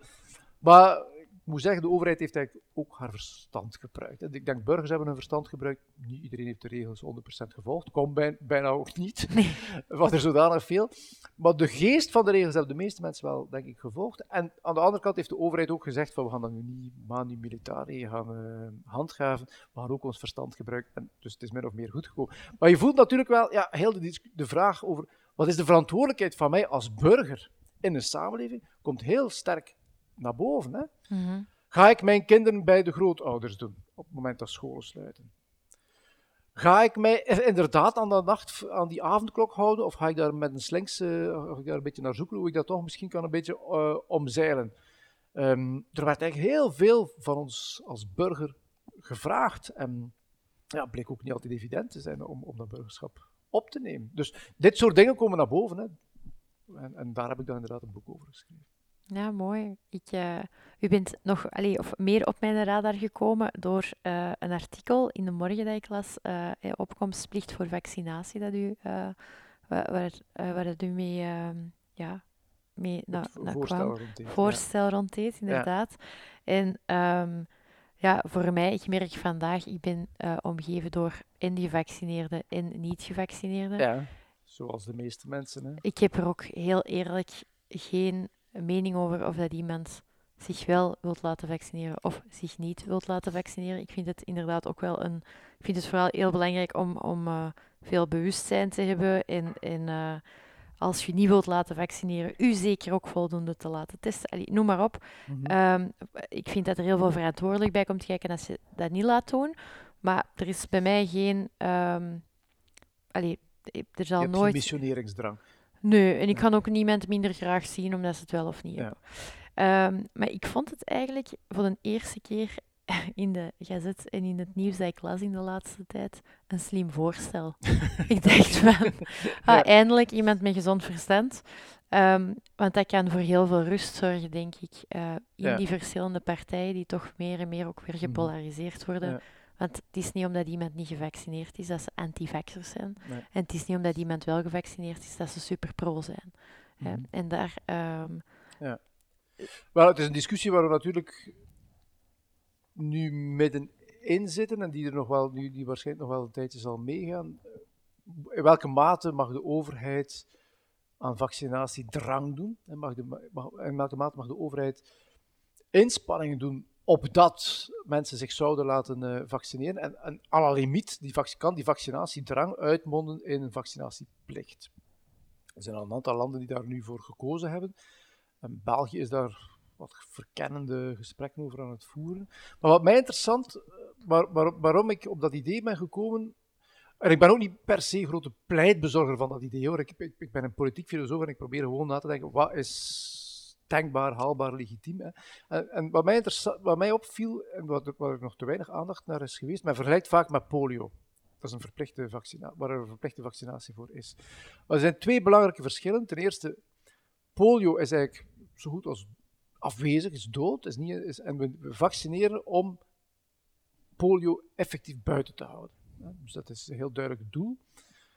Eh, het is niet zo duidelijk of we dat met corona op dezelfde manier kunnen doen. Gelet op het feit dat we nu weten dat mensen die gevaccineerd zijn ook nog ziek kunnen worden, soms ook nog kunnen doorgeven, wel veel mindere mate enzovoort. Maar toch, het is toch niet hetzelfde verhaal als polio. Maar ten tweede, en da- daar vind ik eigenlijk niet zoveel discussie over, en dat, dat is de reden waarom ik dan het voorstel heb gedaan. Bij polio worden kinderen ingeënt. En eigenlijk, de verplichting daar eh, is er in het belang van het kind. Omdat het kind niet afhankelijk zou zijn van irrationele ouders of zo. Of die, dus die, die, ehm, die, eh, de belang van het want als dat kind die ziekte krijgt, eh, zal het zelf ook eh, overlijden of zal het, enzovoort. Dus het is in het belang van het kind. Nu zitten we met een discussie over vaccinatie bij wilsbekwame volwassen mensen. Ik vind dat een totaal andere realiteit Mhm. waarmee we te maken krijgen. En toen dacht ik, ja, wat, wat moet je eigenlijk met wilsbekwame volwassen mensen doen? Ja, daarvan moet je als overheid zorgen dat ze een geïnformeerde, vrije keuze kunnen maken. Dus daar moet je naar streven. En dan is dat, dat was dat een van die ideetjes. Dan zou je kunnen bijvoorbeeld werken met zo'n opkomstplicht. Die verplicht iedereen, ook de mensen die initieel zouden weigeren, om toch eens eh, naar zo'n vaccinatiecentrum. Maar dat hoeft niet per se een vaccinatiecentrum te zijn, dat kan ook een lokale eh, gezondheidscentrum zijn of zo. hè. Dus Mhm. dat dat is maar een bij wijze van spreken. Maar je- het feit dat de overheid mensen in staat stelt om geïnformeerde, vrije keuzes te maken, dat is eigenlijk de core business die de overheid zou moeten opnemen. Eerder misschien nog dan het echt eh, verplichten. En dat was de context, of dat is de reden waarom ik dat idee naar voren heb geschoven. En daar zijn een aantal voordelen aan, ook, ook een aantal nadelen aan. Maar het voordeel is dat je, dat je inderdaad mensen. Er, er zijn toch nog wel mensen die met verkeerde opvattingen leven rond het vaccin. Ehm, en die misschien wel, mochten ze juister geïnformeerd zijn, toch zouden kiezen om zich te laten vaccineren. Wel, daar heb je dan die opportuniteit om, dat eventueel, eh, om, om, daar eventueel inderdaad mensen toe eh, in staat te stellen. Ik hoor ook soms dat mensen een beetje in een sociale kring zitten en, en, en niet echt de durf hebben om dan de stap te zetten naar dat vaccinatiecentrum. Omdat ze een beetje scheef zullen bekeken worden, of hun ouders daar niet voor zijn of zo. Terwijl als je dat een beetje, klein beetje pusht, hè, door te zeggen, kom maar eens af, eh, en, eh, dan zou dat mogelijk ook wel nog een aantal mensen ehm, over de streep kunnen trekken. En ik vind vooral als overheid sta je daar gewoon heel recht in je schoenen. Je hebt gedaan wat je moest doen, hè. je hebt mensen geïnformeerd. Ik vind ook dat je echt wel mag zeggen als overheid, eh, je mag ook de pro's en de contra's echt wel duidelijk aan, mensen ja. meegeven. Van, kijk, als je er niet voor kiest om, om gevaccineerd te zijn, bij wijze van spreken, zoals je zelf zegt, even goede vrienden, maar eh, we zouden dan toch van u vragen dat je, wanneer je bijvoorbeeld met kwetsbare mensen in contact komt, dat je je wat beter beschermt. Hè? Dat je een mondmasker blijft dragen, misschien wat meer afstand houdt, misschien bepaalde contexten die zomaar opzoekt. Hè? Dus dat je, zeker op het moment dat er heel veel virusverspreiding is, zoals dit op dit moment bijvoorbeeld het geval is, dat je dan toch iets voorzichtiger bent. En verantwoordelijkheid nemen. dat je je verantwoordelijkheid eh, neemt. Maar bijvoorbeeld ook dat je weet, eh, als de overheid zou beslissen, maar dat is alweer een andere discussie, dat je moet gevaccineerd zijn in de zorg, ja, dan vind ik dat als je daar iemand van 17 bij zo'n opkomstplicht, dan vind ik wel dat je even mag zeggen, eh, ook puur een functie van geïnformeerde keuze maken, wanneer u zich niet laat vaccineren, weet dan dat u waarschijnlijk niet in de zorg terecht zult kunnen komen. Mocht u daarin ambities hebben, hè, weet dat dat een gevolg is van uw keuze. En dus dat je mensen informeert, maar ook eh, niet alleen over die werkzaamheid van, van het vaccin, en wat, wat het wel en niet doet, dat vaccin, maar ook over wat mogelijke gevolgen kunnen zijn van, van hun keuze. En dan is het aan de mensen die, eh, die volwassen genoeg zijn om inderdaad een, keuze te maken waar zij dan volgens hun eigen gewetensvrijheid eh, mee in het terrein zijn.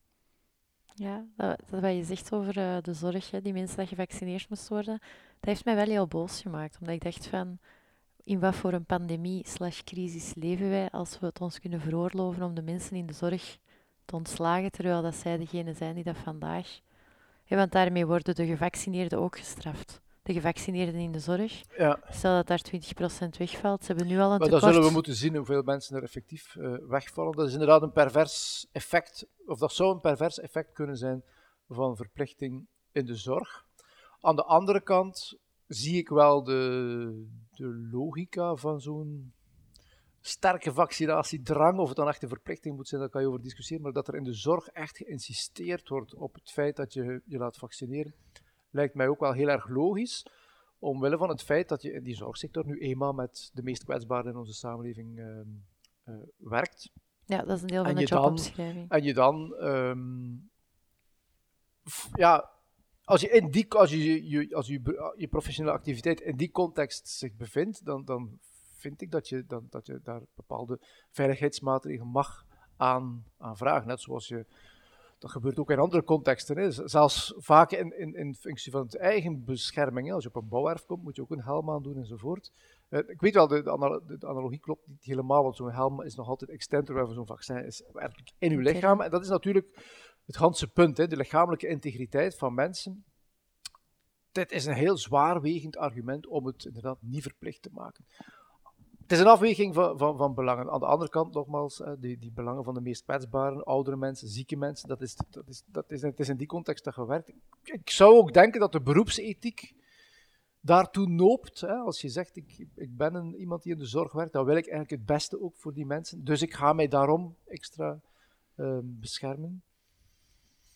Dus er valt wel iets voor te zeggen, maar aan de andere kant, ik begrijp ook, er is een pervers effect mogelijk. Laten we zien wat, wat ik denk dat is nu afgesproken, dat tot 1 april mensen de kans krijgen om zich te, te laten vaccineren en dat dan pas de, wordt besloten of mensen effectief worden ontslagen of niet. Hè. Ja. Ja, ook erg benieuwd uh, naar de toekomst. Uh, wat ik heel fijn vond uh, vanuit die op opkomstplicht, is effectief ook het, de communicatie.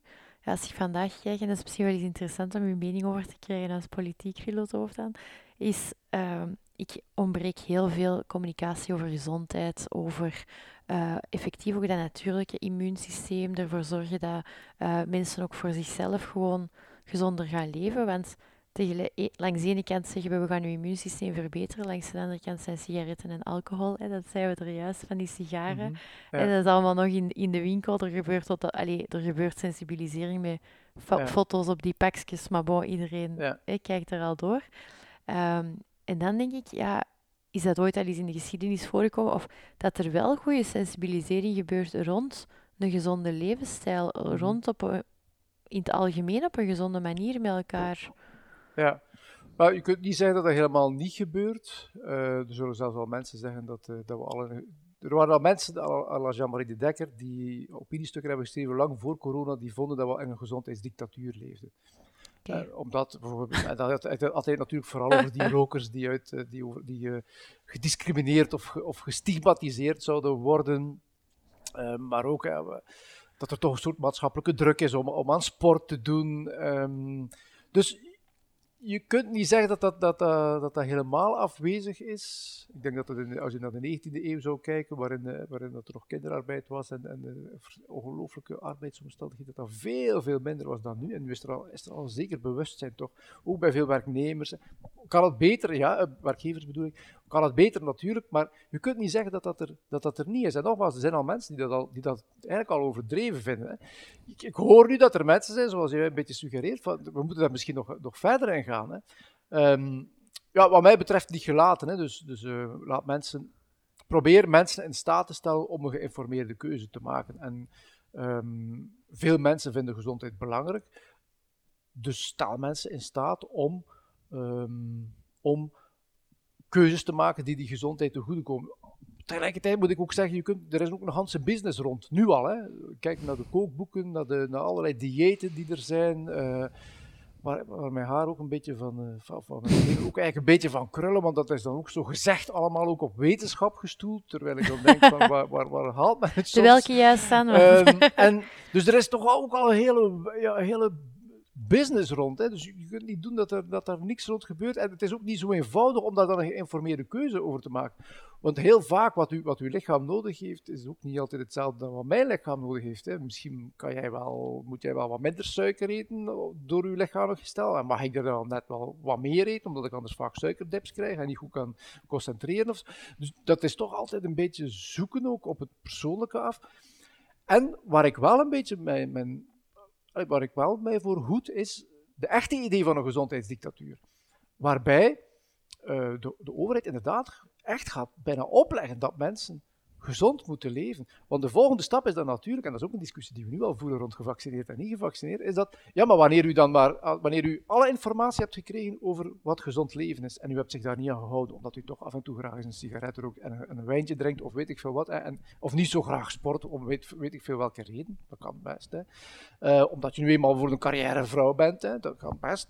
Um, ja, dat, dan, ja, maar dat men dan bij de ziekenzorg zou zeggen, of bij de verzekering zou zeggen, ja, maar u wist dat toch, hè, dat u wanneer u zo, die en die keuzes zou maken in uw leven, dat u dan meer ziekskans zou hebben om ziek te worden enzovoort. Je moet nu toch niet verwachten van de samenleving dat wij daarvoor gaan opdraaien enzovoort. Dus je krijgt dan ook wel dit soort discussies. En dat vind ik helemaal uh, niet oké. Okay, dus dus um, um, we leven in een open en vrije samenleving. Dat betekent dat wij zelf geacht worden als individu om te kunnen uitmaken wat wij belangrijk vinden en niet belangrijk vinden.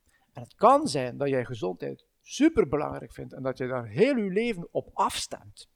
Met trainingsschema's, diëten, weet ik veel wat, maar vraag dat niet aan mij. Hè.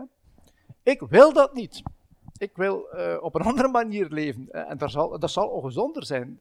Ik sport ook een beetje, maar ik wil ook, ik ben een gulzegaard, ik wil ook, uh, ik wil ook kunnen uitgaan, ik wil soms ook te lang opblijven, ik wil soms uh, goed, goed wat, wat, drinken of zo.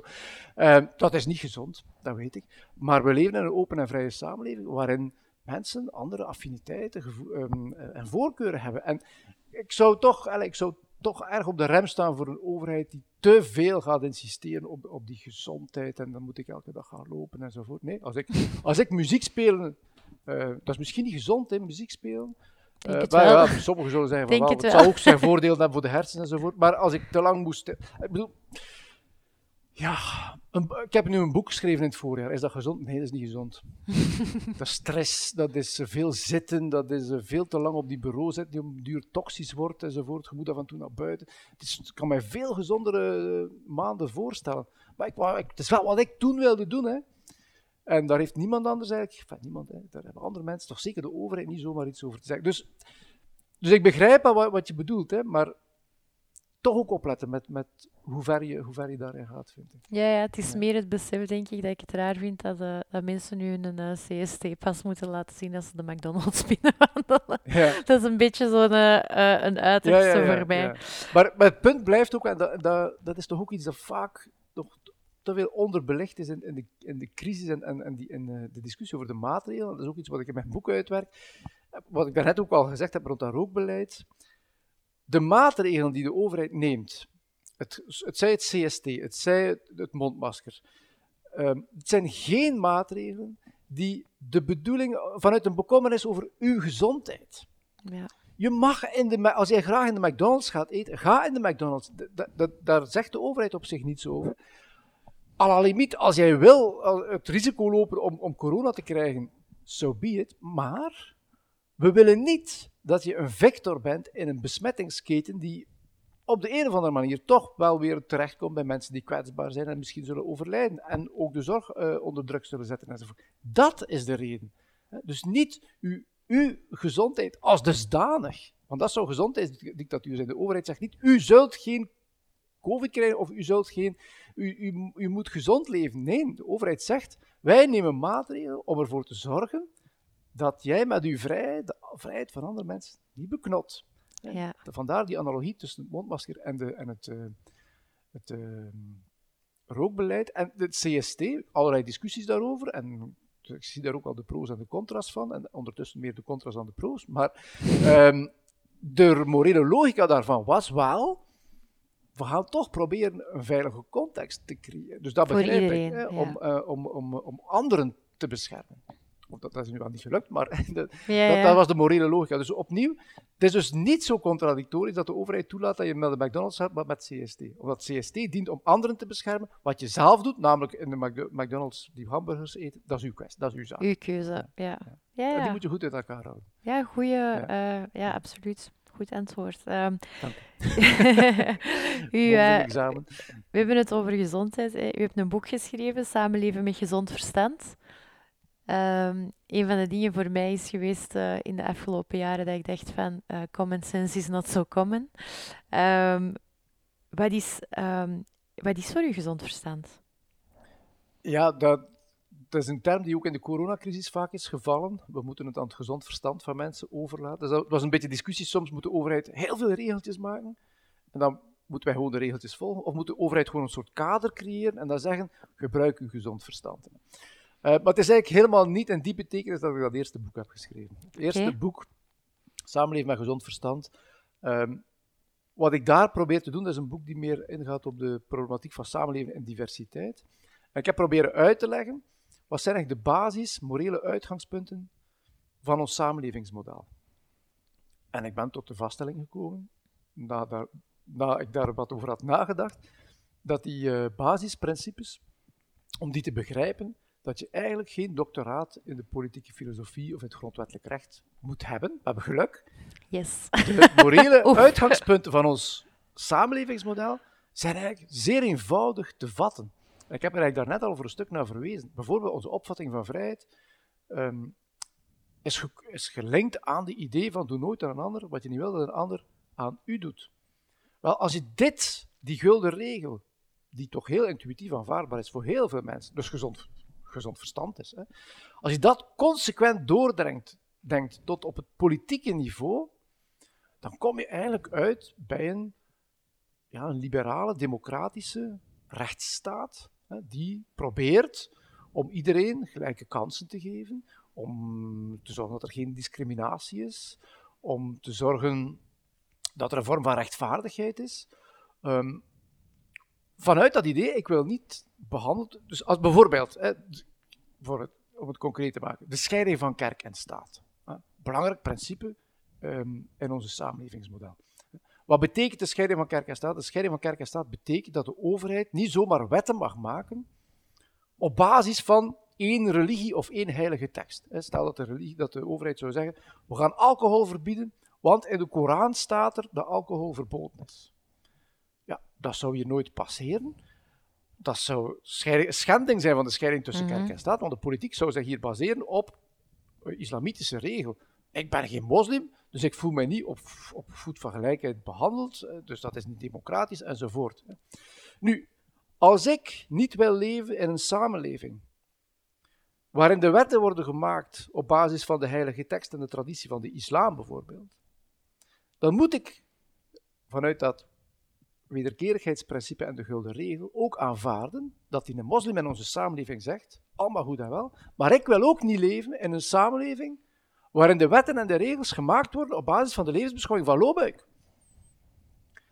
Dat is een heel eenvoudig wederkerigheidsprincipe. Als ik dat niet wil, moet ik aanvaarden dat iemand anders dat ook niet wil. Als ik vind dat ik mag, mij mag kleden zoals ik dat wil, moet ik aanvaarden dat andere mensen dat ook mogen doen. Wat voor rare dingen dat ze soms ook op hun hoofd zetten of zo, enzovoort. Ja, ja. Dat is wederkerigheid.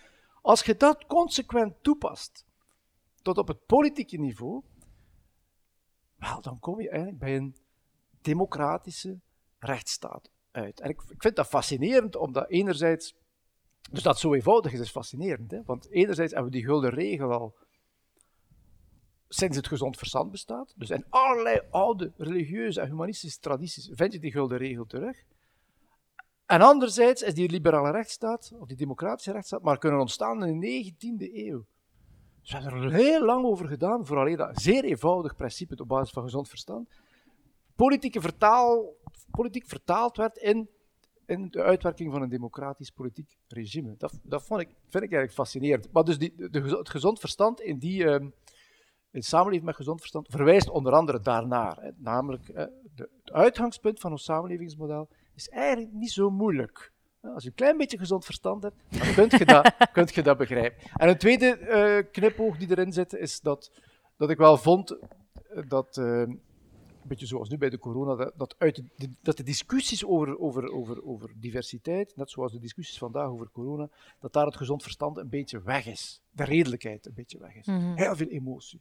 Heel veel culpabilisering. De een smijt mijn modder naar de ander en we zitten in een soort loopgravengevecht waar we niet, waar we niet, meer, uh, uh, waar we niet meer uit geraken. Dus de redelijkheid is weg. Hè. Gezond verstand link ik dan een beetje aan, aan redelijkheid. Hè. Aan, aan, kom, laten we eens rustig over een aantal thema's praten en wie weet, wie weet komen we wel al een heel eind. Hè. en vinden we elkaar ook wel. En vinden we elkaar. Zeker als je vertrekt ook van een aantal principes die, we, die toch vrij breed gedeeld kunnen worden, dan moeten we toch een heel eind op weg kunnen gaan zonder dat we met, noodzakelijk met modder naar elkaar gooien enzovoort. Dat, dat zijn een beetje de twee ideeën van gezond verstand die in dat boek uh, Ja, mooi. Ik, um, ik, een van de dingen dat ik las, ik denk dat het op je Twitter was, um, ja, dat je best al wel wat naar je hoofd gegooid hebt gekregen. Um, en dat activist, misdadiger, mongool, nazi, Stasi, Mengele valt vandaag het charmanter klinkende Twitter-ballerina.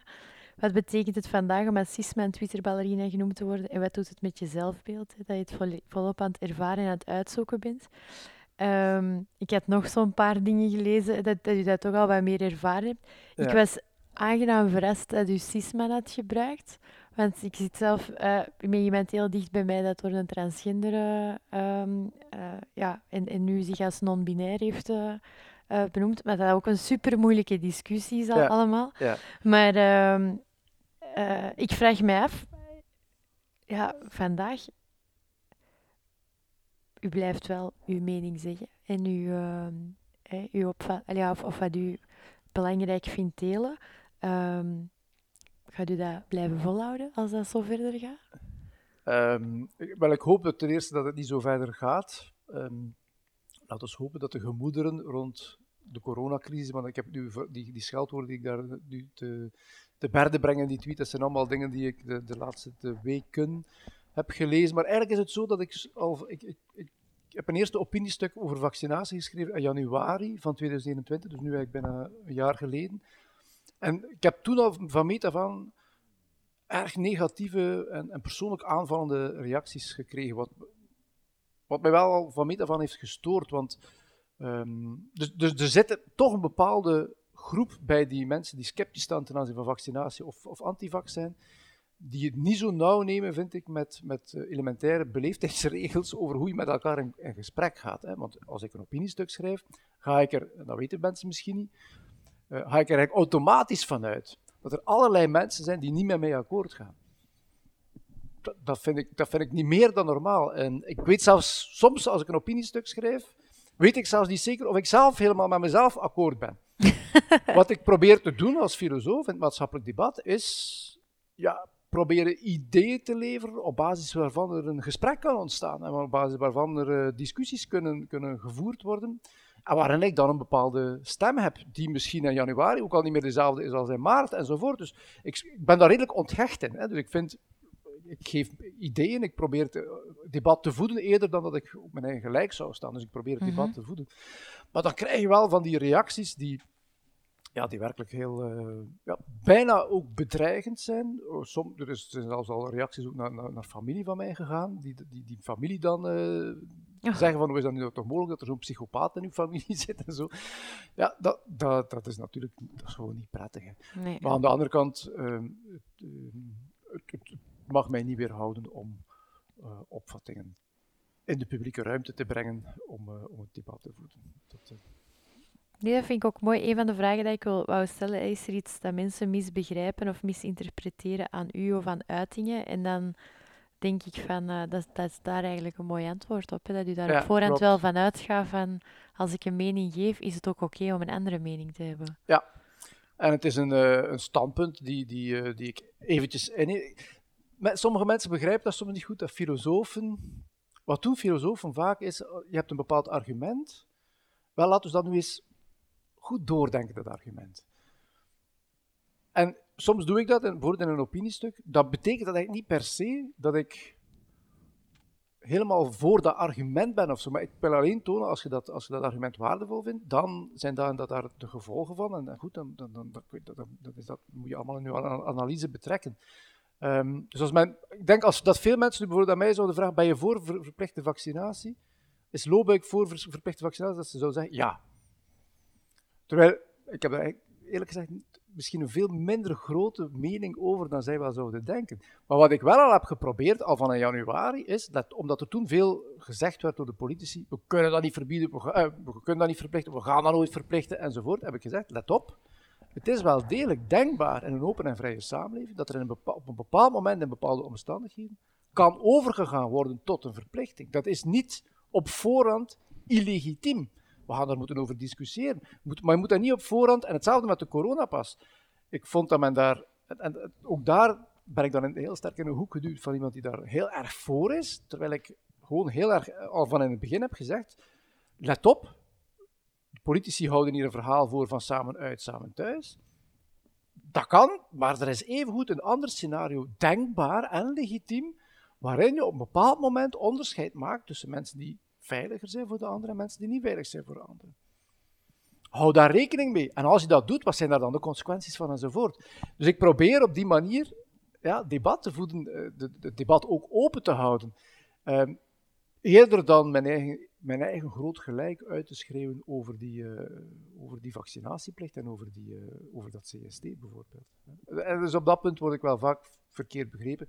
En wat mensen natuurlijk heel vaak ook niet beseffen, is dat als je iets schrijft in de pers, dat dan het stuk zelf van mij is, maar de titel niet.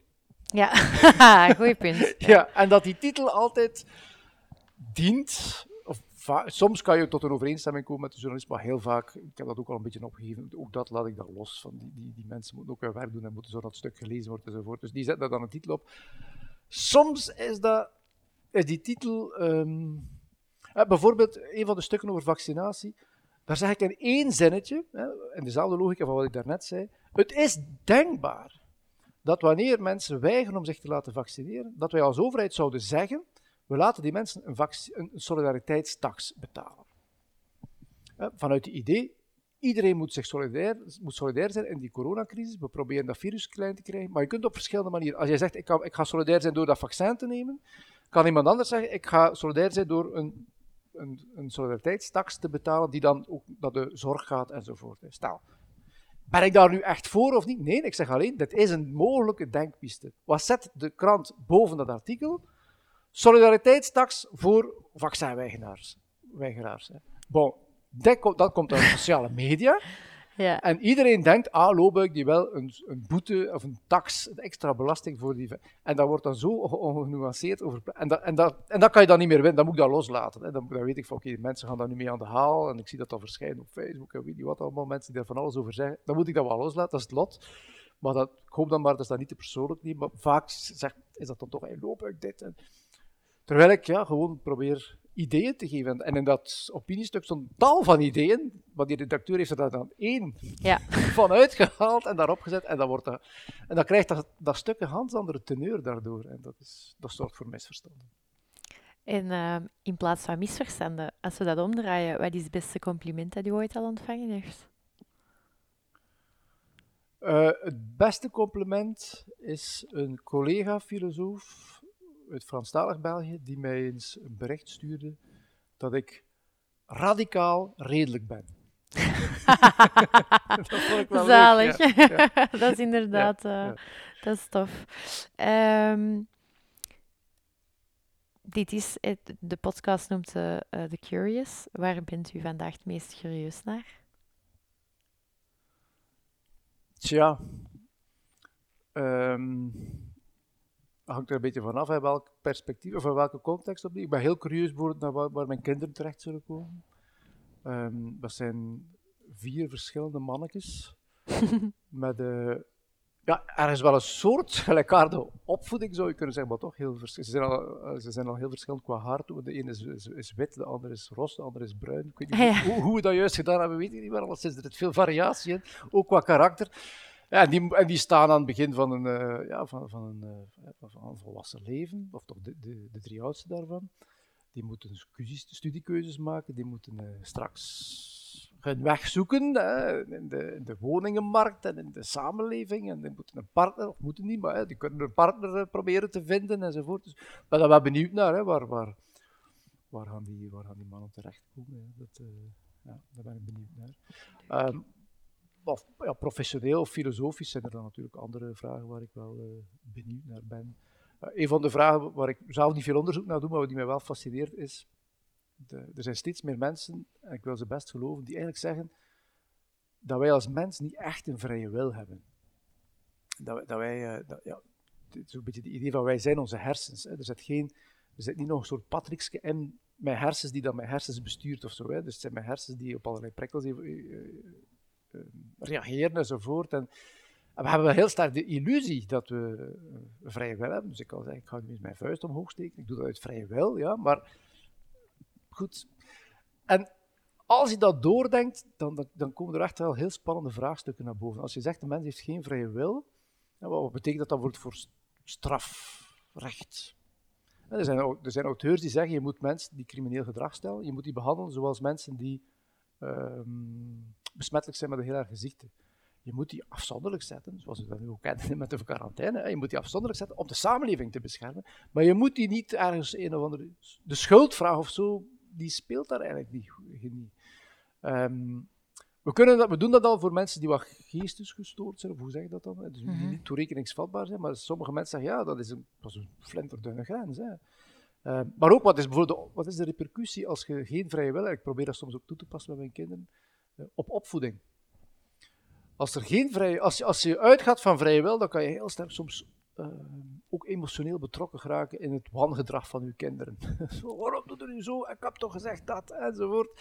Eh, terwijl, als je zegt, oké, dat zijn, ik zeg eventjes onder de bieden, dat zijn organismen.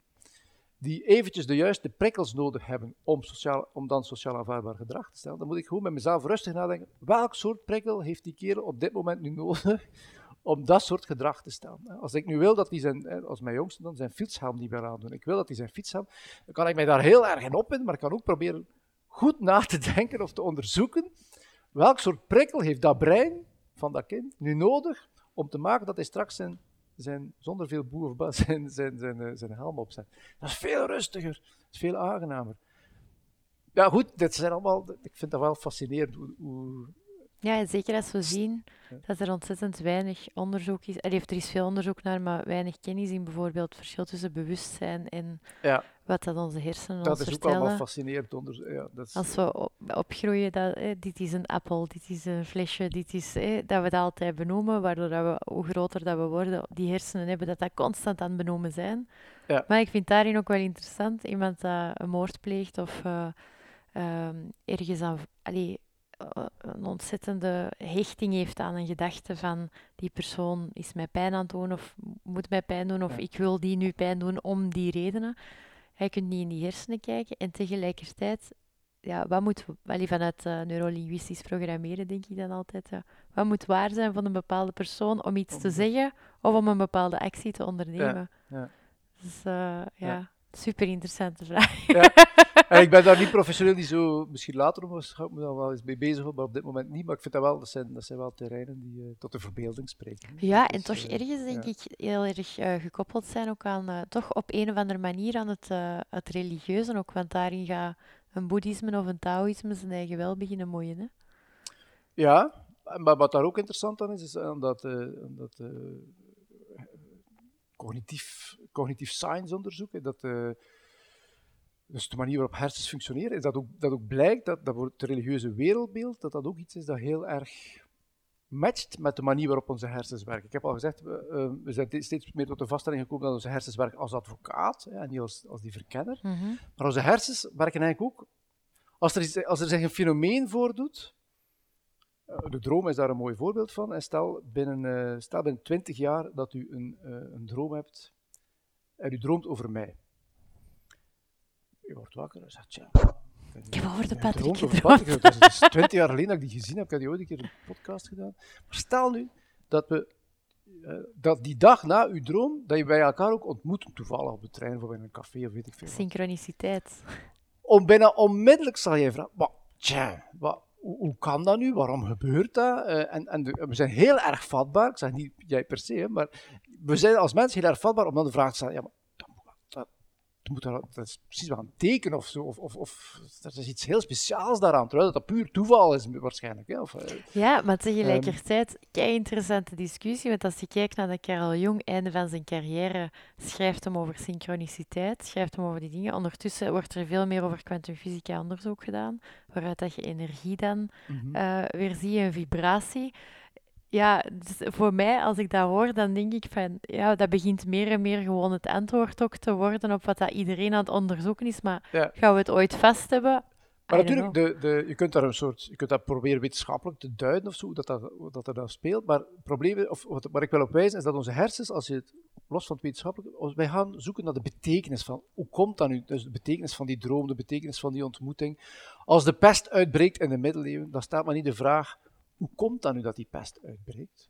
Of als er een aardbeving is, 17, in, de, 18e eeuw uh, in, in, Lissabon, een heel bekend gedocumenteerd voorbeeld, een grote tsunami, heel veel doden, vernieling enzovoort. Wat gebeurt er? Mensen gaan in boete. En mensen zeggen, waarom moet dat gebeuren? We zijn waarschijnlijk zondig geweest. Terwijl er zijn een aantal verlichte geesten, onder andere Kant en zo, die dan, uh, die dan zeggen, ja maar wacht eens, dat heeft niks, maar je moet dat niet zo, je moet je de vraag stellen, hoe, hoe is die dingen is tot stand gekomen. Waarschijnlijk heeft dat met platentectoniek, maar de platentectoniek ja, ja. nog niet op punt, maar het heeft met natuurlijke oorzaken te maken. Hè. Er verschijnt op een bepaald moment een komeet boven de hemel. Mensen wauw, teken van God. Of... Wij denken zo. Twee aardbevingen aan elkaar in Italië. Er moet iets speciaals zijn daar. Hè. Terwijl, dus de, dus de, de manier waarop wij, dat, wij, dat wij intuïtief ons hersens gebruiken, leidt tot een religieus wereldbeeld. Namelijk, er zit daar iemand aan de knoppen die zorgt dat, we, dat de dingen gebeuren zoals ze gebeuren. We denken niet spontaan, wat zouden daar nu de natuurlijke oorzaken van zijn? dat is wetenschap. En in die zin is wetenschap contra-intuïtief. Het is een, mooi verhaal ook van, dat ik ergens las, nog niet zo lang geleden. Een antropoloog komt toe in een, in een stam in, in, in Afrika ergens. En hij wordt daar redelijk enthousiast onthaald door die stam. Dat is begin 20e eeuw. Hij mag daar in een bepaalde hut slapen. Maar uh, s'morgens, uh, die hut ligt op, uh, zijn bed ligt op een verhoog, maar s'morgens is die hut ingestort. En onmiddellijk wordt die antropoloog uit die stam verdreven, hè, want hij dat zou een teken zijn, dat die hut is ingestort, zou een teken zijn dat, dat, dat hij gevaar is of dat hij een slechte invloed heeft enzovoort. Terwijl natuurlijk er gewoon mieren al ik weet niet lang aan die, al jaren aan die hut aan het, aan het vreten. En toevallig, juist op het moment dat die antropoloog daarin komt slaan, inzakt. Maar toont opnieuw, ja, dus de spontane manier van denken is, is, de zoek, is de zoektocht waarom gebeurt iets. En dat geeft dan aanleiding tot een religieus wereldbeeld. Terwijl de contra-intuïtieve vraag, maar wel de wetenschappelijke vraag is, hoe komt dat dat hier net vandaag dat ding hier uh, inzakt en dat heeft niets met de geaardheid of met de, met de invloed van die, van die antropoloog te maken. Nee, het, maar tegelijkertijd stel ik met een andere vraag, andere verhalen dat je hoort van mensen die juist hun vliegtuig niet pakken of niet in de Twin Towers aanwezig waren.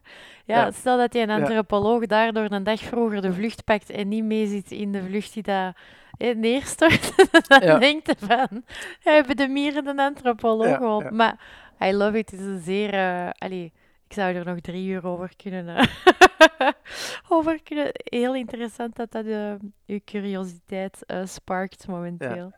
Um, andere vraag, we zitten bij de laatste vier. Um, welke uitdaging heb jij voor mij en iedereen die meeluistert? Het zijn allemaal grote vragen. Hè? ja. Welke uitdaging voor jullie of voor ons? Ja, wel, uh, er, zijn, er, zijn er, zijn er een, een aantal. Hè. Dus ik, ik denk, uh, dat klimaat, daar zijn we nog niet mee klaar. Hè. Dus we gaan daar, dat is echt een uitdaging voor, de, voor deze generatie, echt, mm -hmm. hè, mhm. voor deze generaties die nu op deze aardkloot rondlopen, om daar zeer drastisch maatregelen voor te nemen en, en ervoor te zorgen dat, dat, uh, dat dat spel, hè, dat evenwicht, hè, dat, dat, dat, dat binnen de, dat, dat, de verandering, dat dat binnen de perken blijft. En een tweede uitdaging, denk ik, blijft, en is ook al altijd, de uitdaging van de mens is, ja, hoe kan je, hoe kan je, en dat is ook een filosofische vraag waarop die al veel gefrustreerd is, als politiek filosoof, hoe kunnen we op een aangename manier met elkaar blijven samenleven, ondanks het feit dat jij waarschijnlijk op tal van, uh, over tal van dingen andere opvattingen hebt dan ik, en er daar nog iemand zit, misschien met nog andere opvattingen, en daar nog iemand met nog andere opvattingen. Hoe kunnen we dat op een zo aangename manier organiseren, dat wij, op een, ja, dat wij, dat wij ondanks die verschillen, maar ook dankzij de gelijkenissen die er ook zijn, we zijn mensen, en dus we zijn zeker wel een vloertje, die we, een antropologisch vloertje, dat we delen, hè, ongetwijfeld. Hoe kunnen, we, hoe kunnen we blijven samenleven op een manier die, die vreedzaam, stabiel is en, en ergens ook wel rechtvaardig is. Ja. Ja. Is, uh... Mooi, ook een grote vraag met grote uitdaging. Ja, kijk, je stelt grote vragen, dan krijg je grote uitdagingen terug. Ja. Um, wat zijn je drie boeken die u zou aanraden om, uh, om te lezen?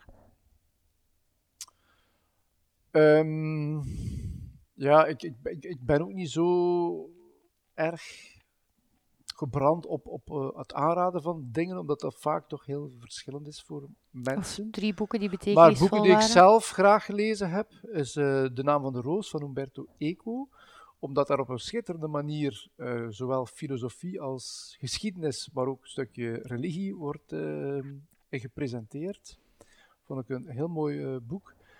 Um, wat heb ik nog graag gelezen? Ik heb heel graag Oorlog en Terpentijn gelezen van uh, Stefan Hertmans. En dat heeft onder andere te maken met het feit dat dat boek zich voor een stuk afspeelt in Sint-Amansberg, waar, waar, ik woon. Ja, maar ook, het is een schitterend, hij schrijft mooi en ook, het is mooi.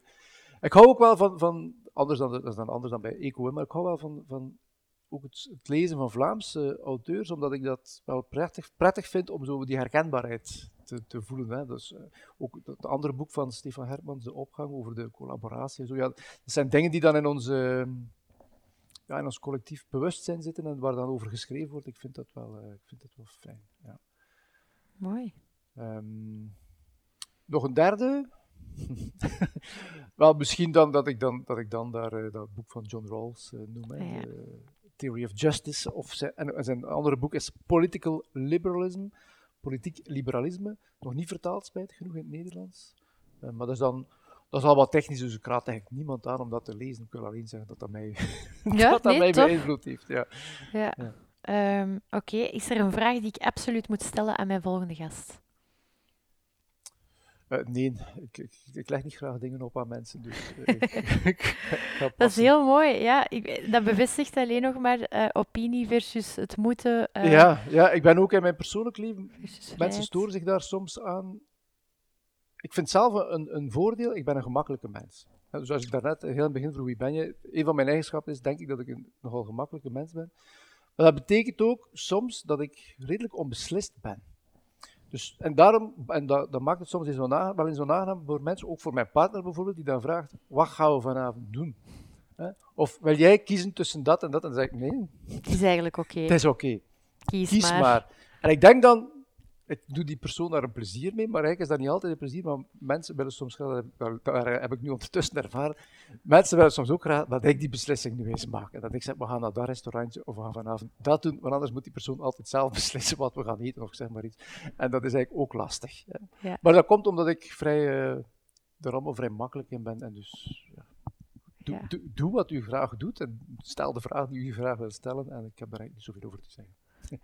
Ja, herkenbaar. Ik denk ook dat het dan meer gaat over uh, de, de persoon waar je het mee ervaart of, uh, Ja, of ja. wat dat er juist gebeurt. Hè. Mooi, heel tof. Um, hoe kunnen we jou uh, volgen? Dat is op Twitter, denk ik. Ja, ik durf wel eens een en ander tweeten. Maar weet dan dat niet alles wat ik tweet, dat ik daar het automatisch mee eens ben. Dat heb ik ook al geleerd. Dus ik, probeer nu ook vaak voor het stukjes van een artikel te tweeten. En ik zeg er dan ook bij wie dat zegt. Hè, zodanig dat heel duidelijk is dat dat niet per se mijn mening is, maar dat ik dat wel een interessant, uh, uh, interessant artikel vind of een interessante uitspraak. Eigenlijk is voor mij Twitter ook wel een beetje een verzamelbak van zaken die ik volg. En ik kan dat op mijn computer natuurlijk allemaal opslaan, maar ik kan dat natuurlijk ook gewoon daarop slaan. Ja. En dan kunnen mensen meelezen die daar ook geïnteresseerd zouden zijn. Dus de mensen die niet in mijn onderwerpen geïnteresseerd zijn, die moeten mij niet volgen. Want die zeggen, ah, die tweet heel de tijd daarover. Ja, het zal wel, want dat is waarover ik geïnteresseerd ben. dat is de reden. En ik, en, ik, en ik hou daar een beetje een database van mee, maar wat daarover allemaal verschijnt. Ja, ja nee, groot gelijk. Super.